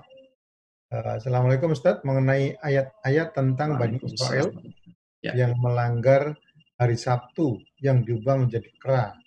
Yang sebagian orang menuduh Quran itu anti-semitik. Ya. Sebagian penafsir menafsirkan kisah tersebut bahwa itu hanya allegorical atau metaphorical. Yang berubah ya. adalah perilaku mereka, tidak fisik mereka. Bagaimana menyikapi hal ini Ustaz? Jazakallah khair. Ya, memang ada yang menafsirkan itu tidak uh, tidak perubahan fisik, tapi jumhur ulama uh, dengan asar-asarnya itu berubah betul-betul menjadi fisik menjadi kera. Ya, jadi ya betul-betul uh, kunu kiradatan khasiin, betul-betul uh, dikutuk menjadi kera. Jadi uh, kita mungkin uh, terlalu ini ya, apa namanya? rasionalis ya, rasionalis ya. Jadi sehingga ah masa sih saya dikutuk gitu. Kan itu cerita-cerita kayak maling kundang, tangkupan perahu itu kan dongeng, mistis lah itu, nggak mungkin. Fakta itu ada, terjadi. Keluarnya onta dari batu, itu fakta. Bahwa kaum Samud mengolok-olok Nabi Saleh dan meminta, lo kalau batu yang gede ini bisa keluar onta dari situ, saya baru beriman. Faktanya kan kemudian bisa keluar onta gitu. Dan kemudian onta itu karena mukjizat itu juga ujian. Oke, sekarang kamu udah minta, sekarang giliran. Ini onta minum hari ini di sini, besok kamu, besoknya lagi. Kemudian onta itu malah disembelih kan. Fa'aqaruha, fadam dan seterusnya itu ya. Mereka malah menyembelih itu onta. Kan itu bentuk kemaksiatan. Jadi simbol-simbol itu oh, memang ada yang menafsirkan tidak tidak terjadi dalam bentuk oh, fisik, tetapi jumhur ulama selama itu makna zahir. Nah, itu bagian kaidah tadi ya yang turunannya kebahasaan tadi itu disebut dilalatul alfat dalam usul fikih itu ada lebih dari enam. Jadi ada makna dohir, ada makna tersembunyi, tentu ada ada makna kiasan, ada ada dilalahnya itu menunjukkan apa.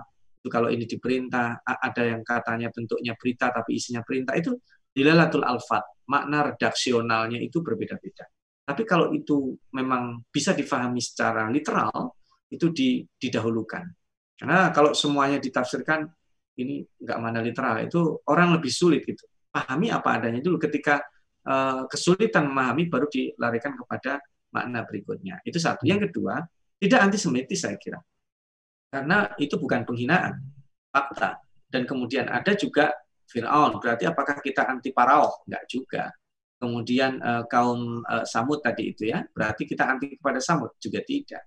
Kemudian menceritakan tentang kaum Ad, itu karena di highlight di situ saja. Seolah-olah ini antisemitisme uh, uh, ini saya kira uh, agak rumit kalau sudah masuk ke ranah tersebut karena dia meng-highlight pada posisi ayat-ayat tertentu sama dengan lidzakari mithlu hadzil unsayain itu ya. Berarti ini ayat misoginis, ayat tidak membela perempuan gitu. Karena di highlight itu padahal ayat yang sangat banyak sebaliknya.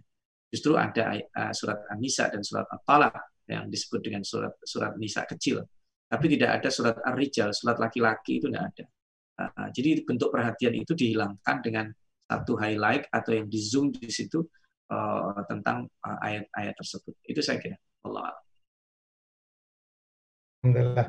Ini ada pertanyaan melalui chat di YouTube ya.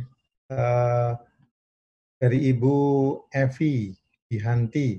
Ustadz, bolehkah bila kita baca Quran Latin saja atau dari tafsir yang dikeluarkan oleh Kemenak? Ya. Ada dua di sini pertanyaan yang berbeda. Kalau membaca Al-Qur'an yang ada di dalam tafsir itu kan redaksinya pasti pasti sama ya. Itu dibolehkan. Karena redaksi Arabnya. Ya, boleh. Tidak harus mushaf yang semuanya mushaf runutan. Di dalam ada tafsir yang ada ada Qur'annya boleh dibaca dari situ. Tapi bolehkah kita membaca Quran yang uh, transliterasi dengan huruf Latin? Bagi pemula dibolehkan. tapi kemudian dia harus rise up, harus meningkatkan, harus leverage-nya itu dinaikkan. Jangan sampai kemudian berpuas dengan uh, dengan itu. Uh, karena lit, uh, transliterasi itu akan kesulitan uh, di tafkhim, tarkik, ini bacanya ini bacanya ro atau ra kan kita sulit kadang dalam tulisannya itu kan sulit. Ini bacanya uh, bacanya tebal atau tipis. Ini bacanya pendek atau panjang. Nah, itu itu kesulitan di situ. Ya, karena mohon izin, mohon maaf yang paling gampang saja. Allah itu kan tulisan latinnya Allah atau Allah gitu ya. Tulisan kalau dilatinkan ya. ya. Kalau menurut transliterasi sekarang kan Allah, double L A H.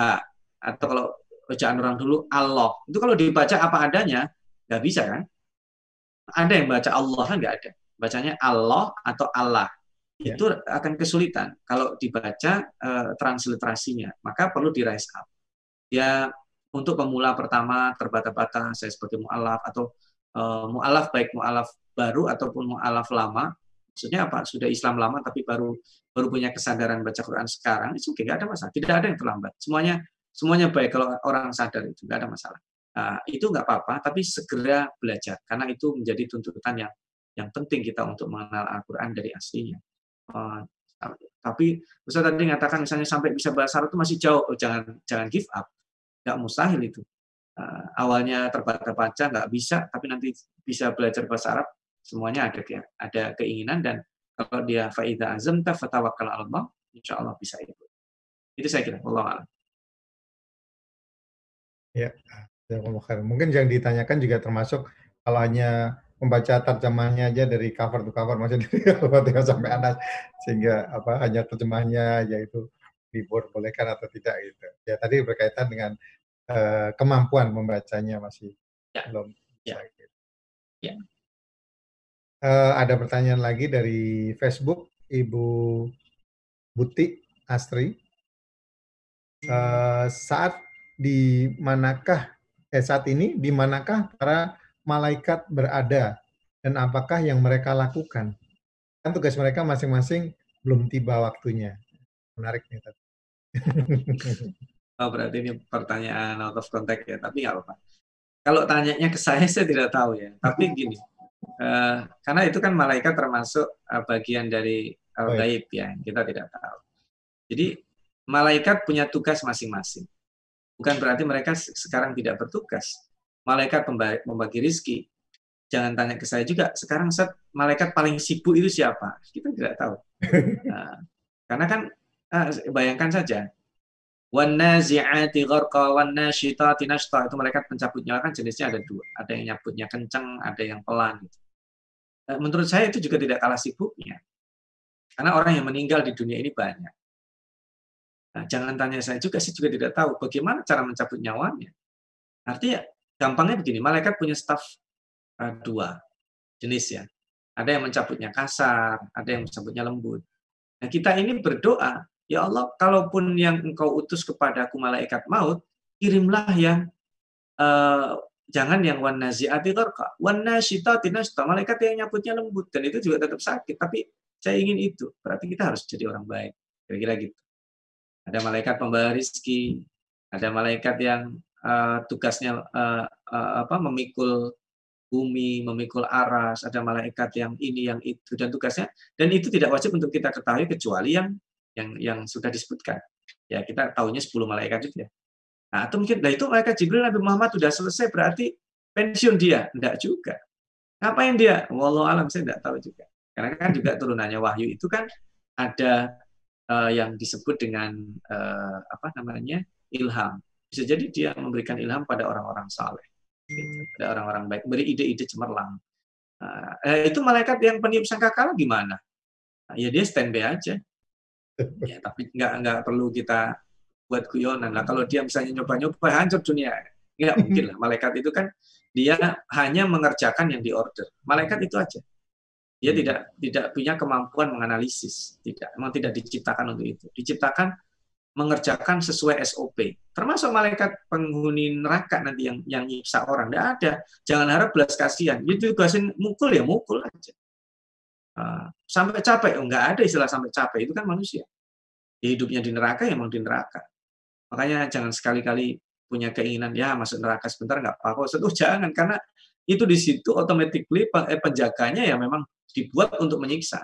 Tidak ada belas kasihan, tidak ada apa-apa. Jadi kalau tugas selain yang disebutkan itu kita tidak perlu uh, tahu, tidak wajib tahu lah. Karena itu terkait dengan hal Kita cukup percaya saja dan 10 malaikat yang yang kita kenal itu sudah cukup untuk kita didik pada diri kita dan juga anak-anak kita itu. Ya Jibril, Mikael, sampai uh, Rokib Atid Mungkanakin itu yang bagaimana kita tahu itu. Wallah alam, itu saya kira. Ya. Alhamdulillah masih ada yang mengangkat tangan itu Ibu Ida Rofiko dari Kanada. Silakan di unmute Ibu. Assalamualaikum Pak Ustaz, Pak Adi. Waalaikumsalam. terima kasih kesempatannya.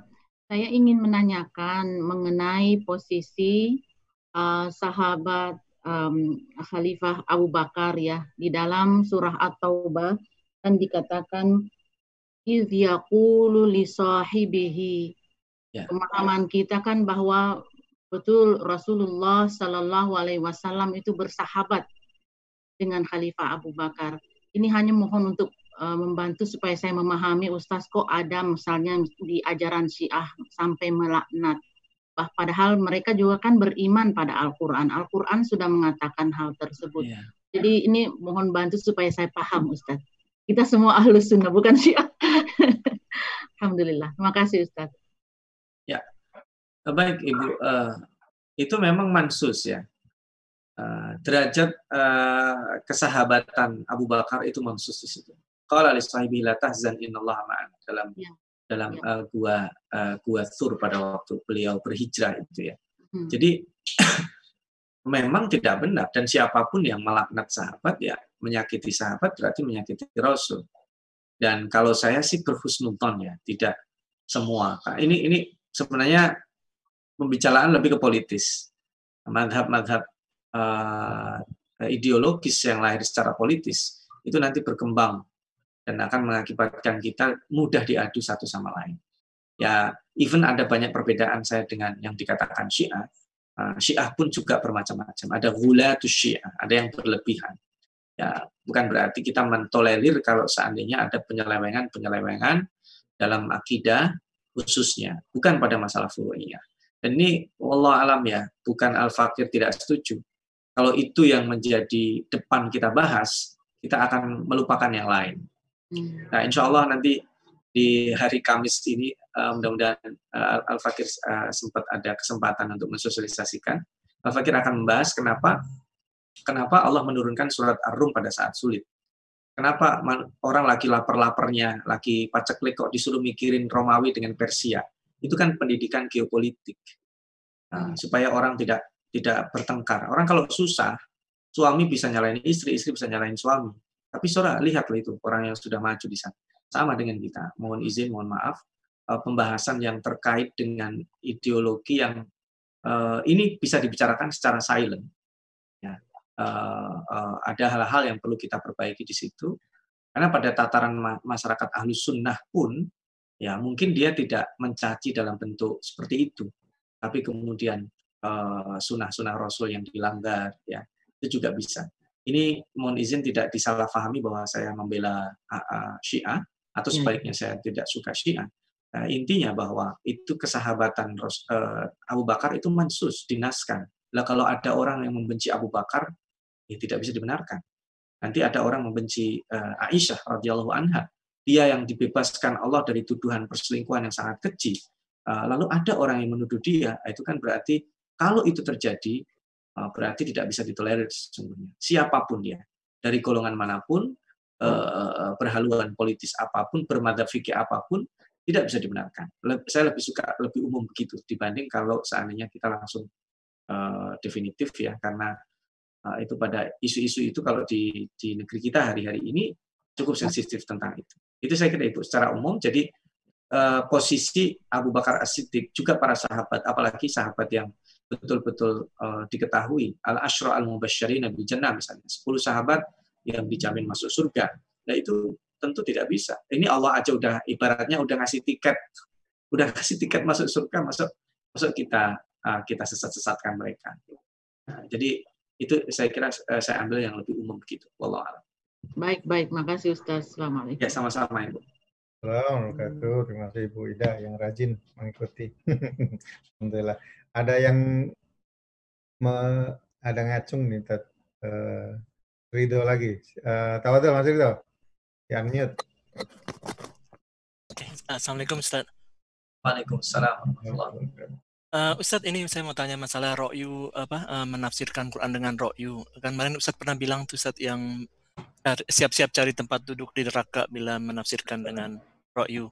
Nah, uh, bagaimana kalau kita menafsirkan dengan contemporary knowledge yang kita punya, misalnya dulu kan zarah biji sawi, terus sekarang atom atau mm -hmm. nanti ada apa yang lainnya nukleus atau apa atau seperti apa yang matahari beredar garis ufuk itu kan dilihat dengan mata kan Vivalakias bahun. Uh, bisa juga garis edar orbit mengelilingi galaksi gitu kan Ustaz karena ditemukan itu. Uh, itu gimana Ustaz uh, juga masalah numerologi Ustaz yang saya ketahui ada orang yang selalu apa di atasnya ada 19 misalnya. Kan ada surat di Muzam Al Muzamil atau Mudassir saya lupa. Di atasnya ada 19 kan tis atau asar Nanti, nah, ya. terus ada di sini ada seorang komputer scientist dulu tahun 70-an kalau nggak salah Rashid Khalifah itu yang dia inkar sunnah jadinya dia karena dia uh, menemukan 19 ini dihitung dengan komputer semua huruf di depan surat itu seperti alif lam mim. Surat ayat uh, huruf-huruf itu dalam surat itu habis dibagi 19. Uh, da dan dia berdalih dengan angka 19 ini Ustaz. Bagaimana menyikapi hal tersebut Ustaz? Ya, kalau pembahasan terkait dengan angka, insya Allah nanti akan ada bahasan khusus, juga bahasan terkait uh, ijaz al-ilmi. Itu bahasanya akan khusus di sana. Saya memberikan framing umum saja. Bahwa yang dimaksud uh, uh, man qala bil qur'ani bi ra'yihi falyatabawa maq'adahu minan. Siapa yang mengatakan tentang Al-Qur'an dengan pendapatnya, maka siap-siaplah untuk masuk neraka kira-kira begitu. Itu maksudnya adalah sesuai dengan hawa nafsunya. Apa-apa itu sesuai dengan hawa nafsunya.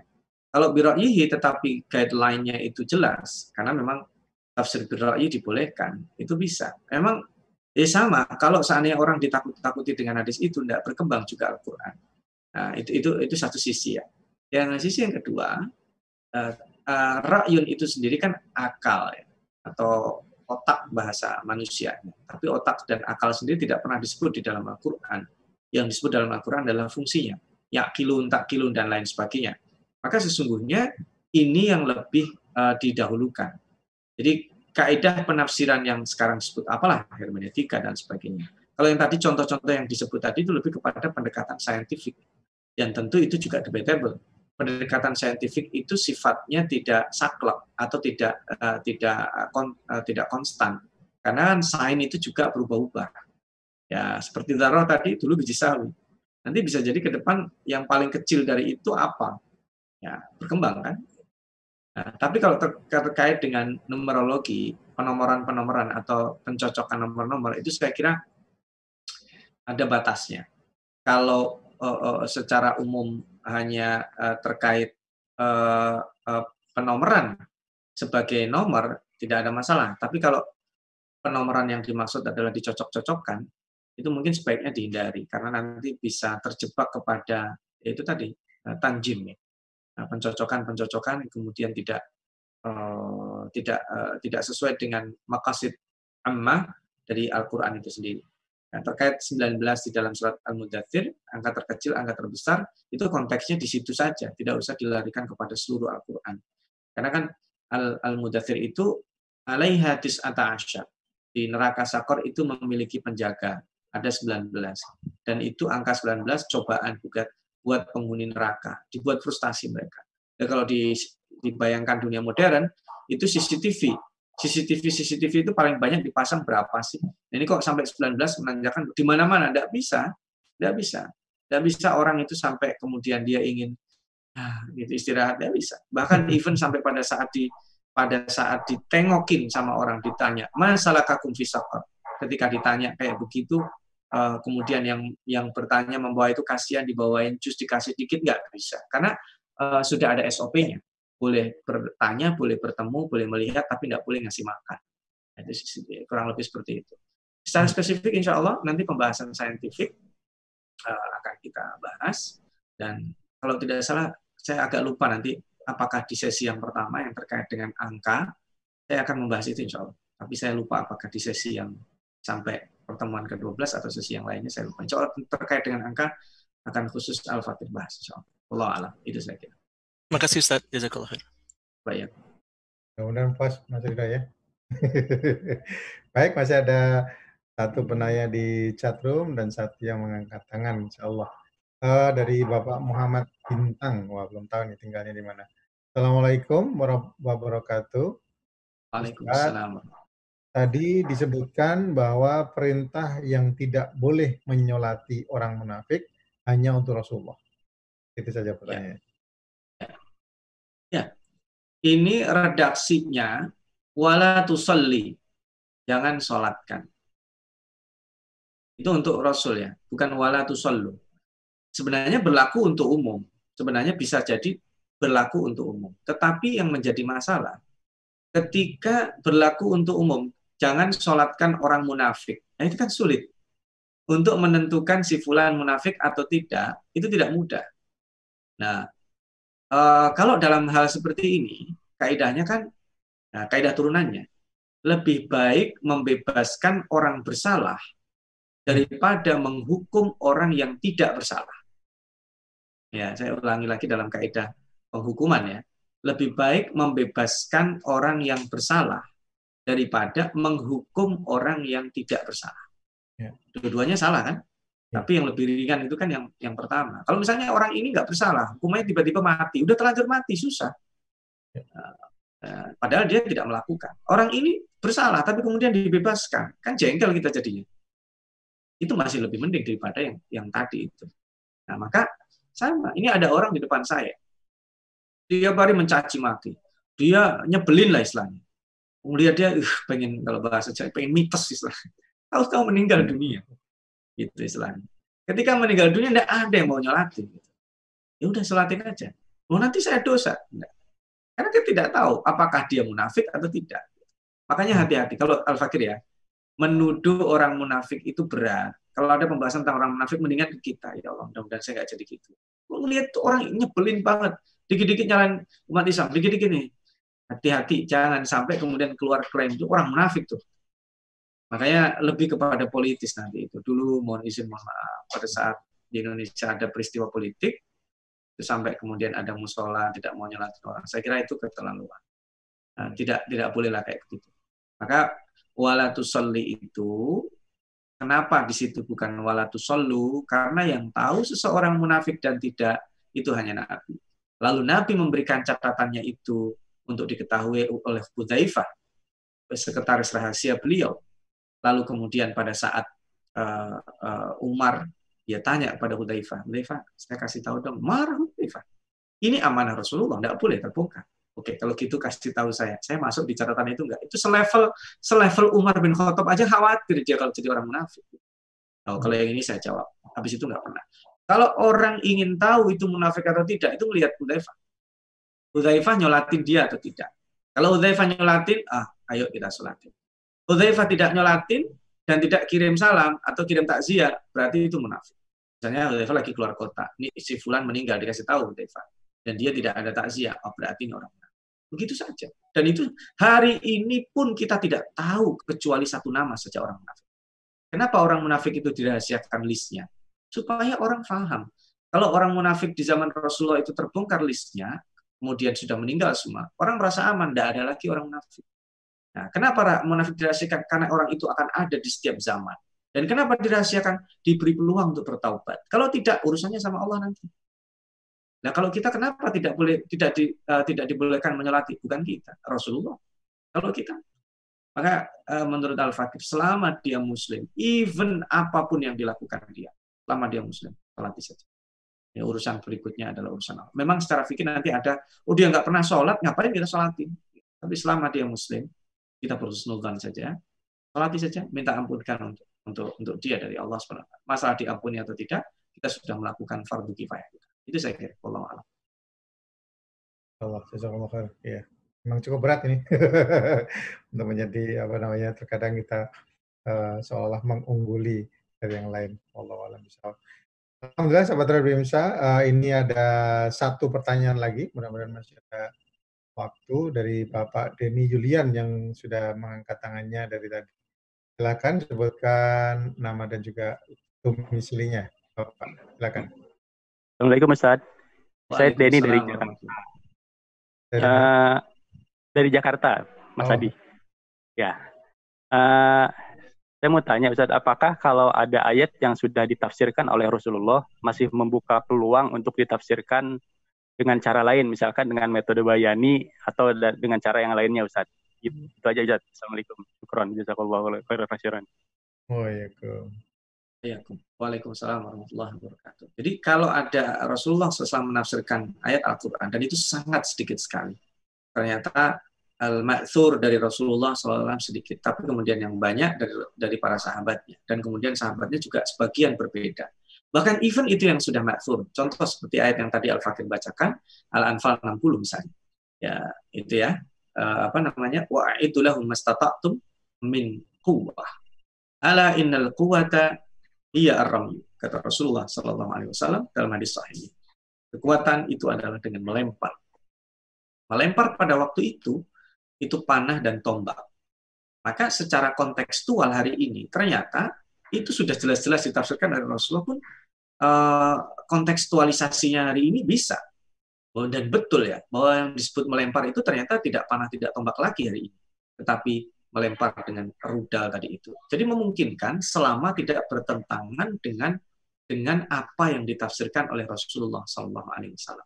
Dan itu uh, Tadi itu kalau kaidah kebahasaannya, Al-Bayani itu kebahasaan yang pertama berlaku di ayat itu turun makna bahasa Arabnya apa. Ya, jangan sampai nanti ditarik dan sebenarnya itu tidak ada makna turunannya. Lalu yang kedua, uh, uh, makna kebahasaan itu kalau bertentangan dengan makna syar'i pada konteks itu hubungannya syar'i, maka yang diunggulkan adalah makna syar'inya. Yang makna syar'i itu tadi ya, sholat, zakat, puasa, itu makna syar'inya. Maka ini yang untuk ditanggulangi itu orang yang mengatakan sholat tidak wajib itu sebenarnya. Sholat tidak wajib, puasa tidak wajib, zakat tidak hmm. wajib, uh, uh, apa namanya? Oh, saya kan sudah banyak apa namanya membantu orang itu. Saya punya foundation untuk oh saya nggak wajib zakat. Oh beda. Itu sedekah. Tapi kalau zakat definitif itu makna yang betul-betul uh, syar'i. Itu saya kira. Kalau bayani kaidahnya apa yang makna asli Arabnya dulu itu apa? Jangan sampai kita lama-lama terreduksi tuh antara ridho, antara ikhlas, sekalipun itu tidak ada konsekuensinya secara hukum, tapi maknanya menjadi tereduksi. Hari ini, mohon izin, mohon, mohon izin sekali. Makna tereduksi itu contohnya apa? Makruh misalnya. Makna makruh itu, kalau dalam bahasa Al-Quran, hukumnya itu di atas haram. Tapi makna fikih, fikih kan datangnya belakangan. Makruh itu di bawah haram. Hati-hati. Ya, hati-hati sekalipun ini arti bahasa, tapi kemudian tereduksi dengan peristiwa, maka kita harus hati-hati.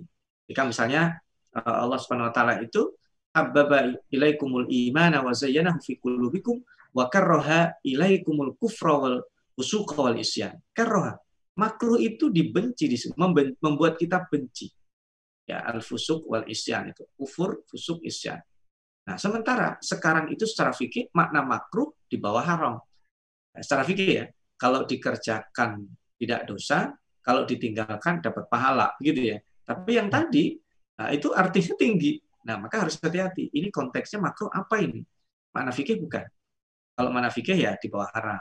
Tapi kalau ini makruh, Allah yang memakruhkan atau membuat kita membenci atau disuruh kita membenci, berarti itu di atas haram. Artinya sangat dibenci oleh Allah. Bisa jadi mendapatkan laknat nanti kalau kita kerjakan itu.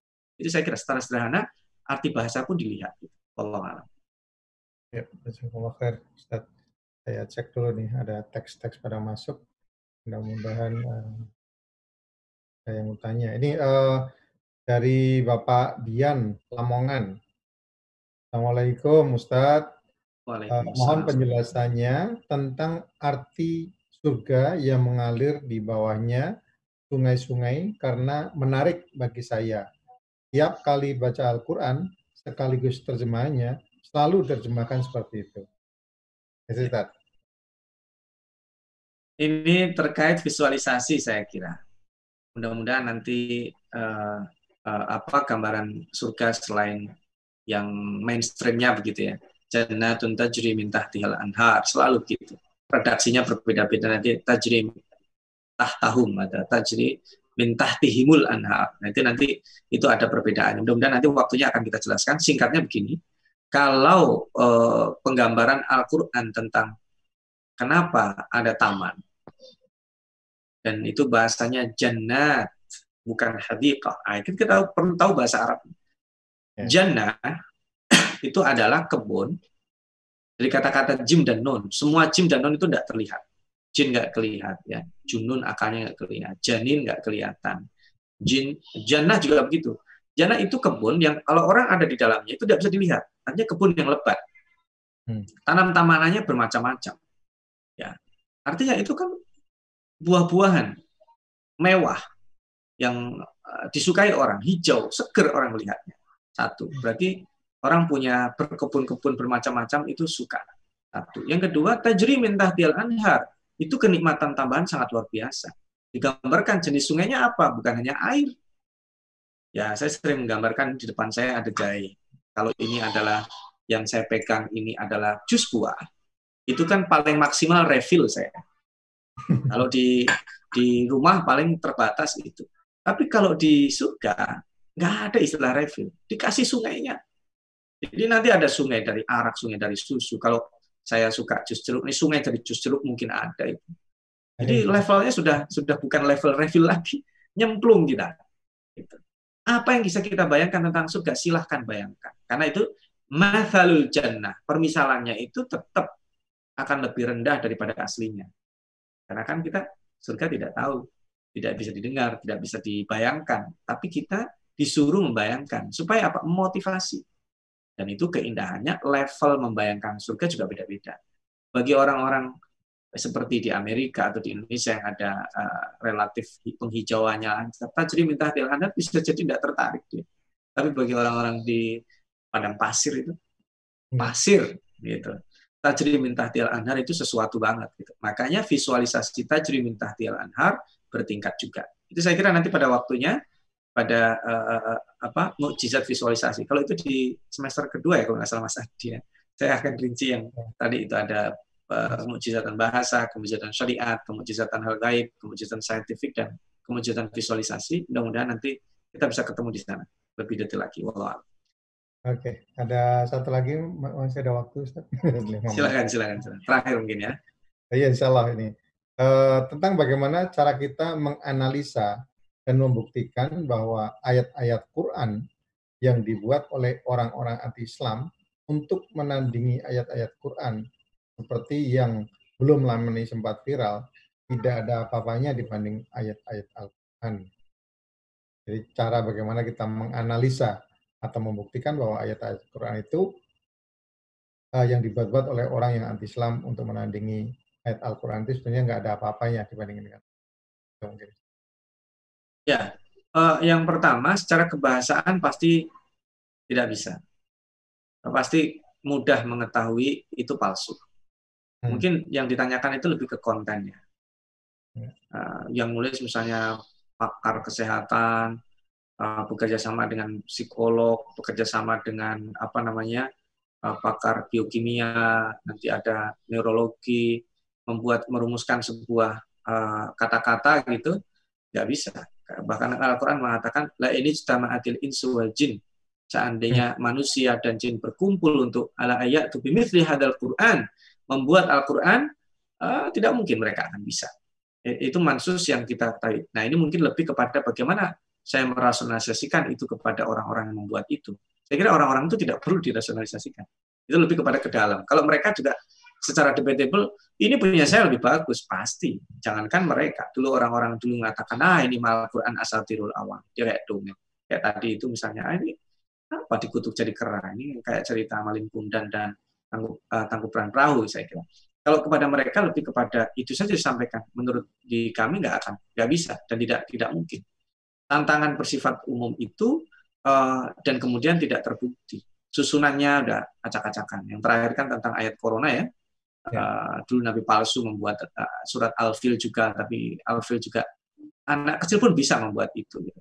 Uh, artinya secara konteks kalau dianalisis para pakar yang muslim itu nanti akan maju, akan ya. dibandingkan. Anda, misalnya sekarang tantangan dia buat surat apa?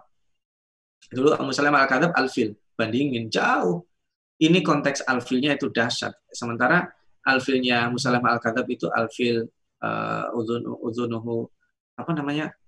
Lebar telinganya, kemudian belalainya panjang. Nah, kalau cuma kayak gitu itu mah anak TK gitu. Nah, artinya uh, anak kecil pun tahu, tapi apa di balik yang redaksinya itu. Jadi kalau untuk redaksional pastikan akan tertolak. Kalau dari konten itu surat itu mau mau dimaksudkan menyaingi surat apa atau menandingi surat apa atau dibuat konteksnya apa itu nanti baru dianalisis di situ. Kalau dia palsu atau tidak itu sangat mudah karena pertama orang hafal Quran banyak, lembaga tasrif banyak, kemudian secara uh, mesin sekarang mengoreksi itu Quran atau bukan pun sudah ketahuan. Itu saya kira. Allah alam. Ya, Insya Allah, khair Ustaz. Penjelasannya uh, juga ada yang bercanda, ada surat namanya jilbab, al-jibab, mal-jibab, wa. Itu mungkin candaan gitu, Masya Allah. Alhamdulillah sahabat IMSA yang dirahmati Allah Subhanahu wa taala tanpa terasa kita sudah berada di ujung acara Ulumul Quran uh, Ustadz Dr. Saiful Bahri MA dan uh, tema kaidah-kaidah uh, penafsiran Al-Qur'an. Allah uh, ada tiga pertemuan lagi untuk melengkapi sesi pertama ini. Kemudian nanti ada kuis dan sekali lagi yang kuis adalah yang untuk register karena nanti juga akan di insya Allah diberikan sertifikat ya eh, oleh yang uh, oleh Ustadz Sawul Bahri ada di tanda tangan beliau dan disampaikan uh, kepada para uh, peserta yang ada di dalam kelas ya sudah tergabung dalam kelas uh, Quran ini insya Allah.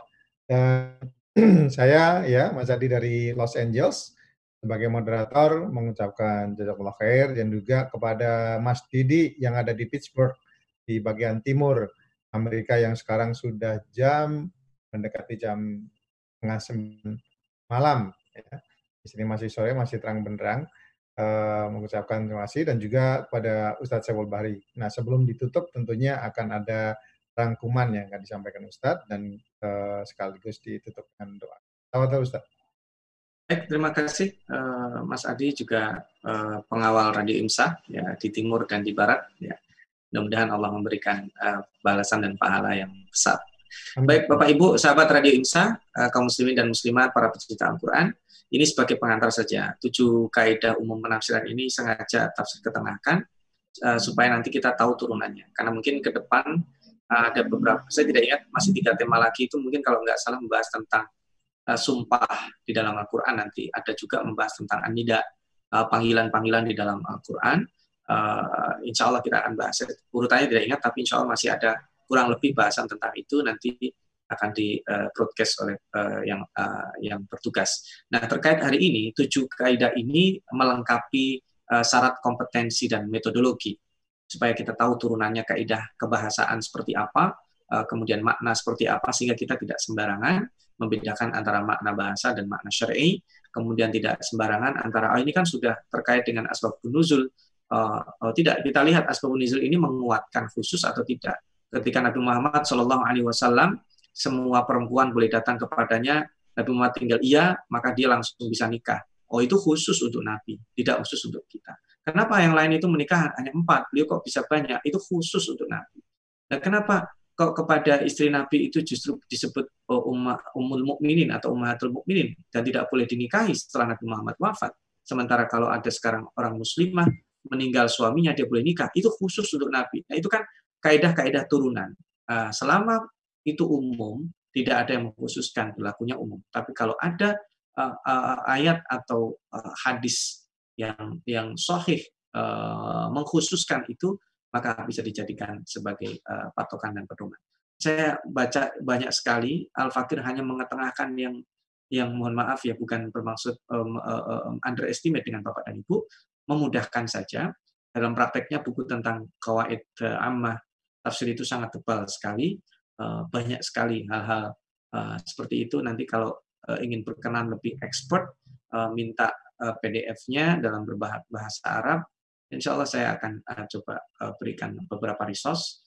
Tentunya saya tidak tahu apakah resource itu sudah uh, sudah tertranslate in English atau in Indonesian, saya uh, kurang tahu banyak. Tapi resource itu terbuka selain handout.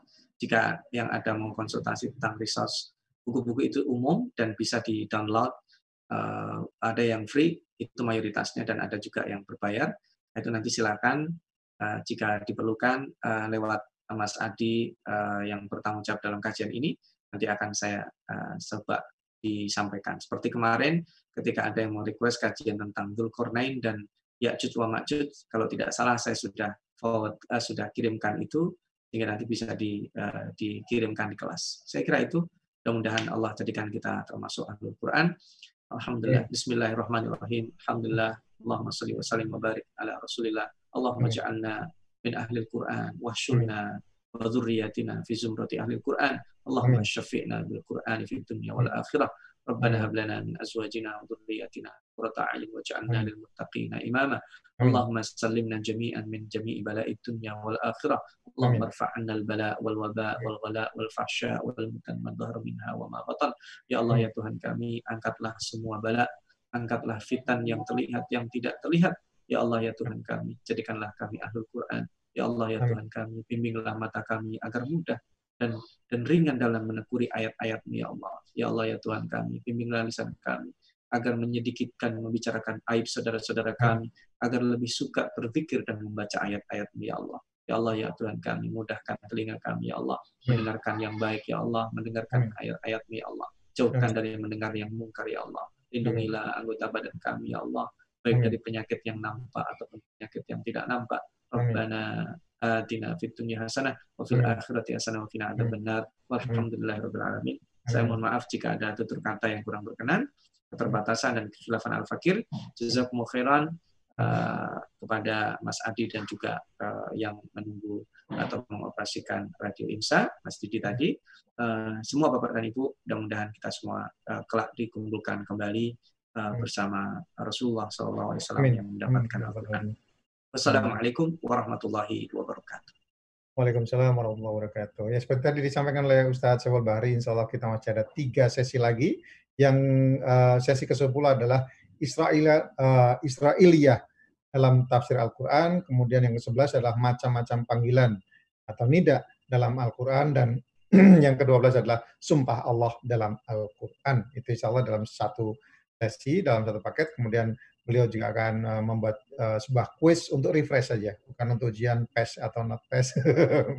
Tapi insya Allah nanti untuk apa namanya uh, merefresh kita, quiznya tidak terlalu banyak, hanya yang sampel supaya kita lebih concern lagi untuk memahami yang ulumul Quran dan juga dari silakan sering mengunjungi dari imsa.us ya imsa.us atau imsa.us di situ ada juga IMSIS ya, nanti bisa diklik. Di situ ada uh, menunya. Di situ ada uh, bahasa Arab sudah dibuka untuk yang uh, IMSIS. Nah ini serunya IMSIS itu IMSA Sister.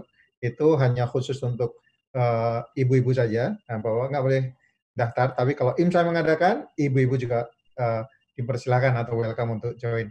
Demikian sahabat IMSA yang dirahmati Allah SWT di mana saja berada di Indonesia, di Jakarta dan kami sangat berterima kasih sekali kepada Ustadz Dr. Saiful Bahri MA yang dengan apa namanya dengan keikhlasannya tadi disebutkan keikhlasan untuk memberi memberikan ilmu kepada kita ya sehingga kita menambah wawasan bagaimana memahami Al-Qur'an dan bagaimana Al-Qur'an itu yang menjadi uh, pedoman hidup bagi kita ya sangat luar biasa dan mudah-mudahan tetap stay tune di acara ini yang insya Allah senantiasa akan selalu diadakan pada hari Sabtu sore waktu Amerika atau Ahad pagi setelah subuh di waktu Indonesia bagian Barat.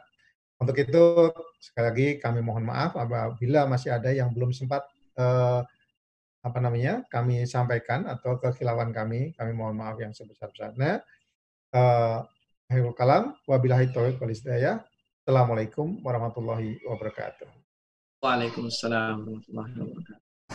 Terima kasih Ustaz. Jazakallah. Ya, sama-sama. Sama-sama.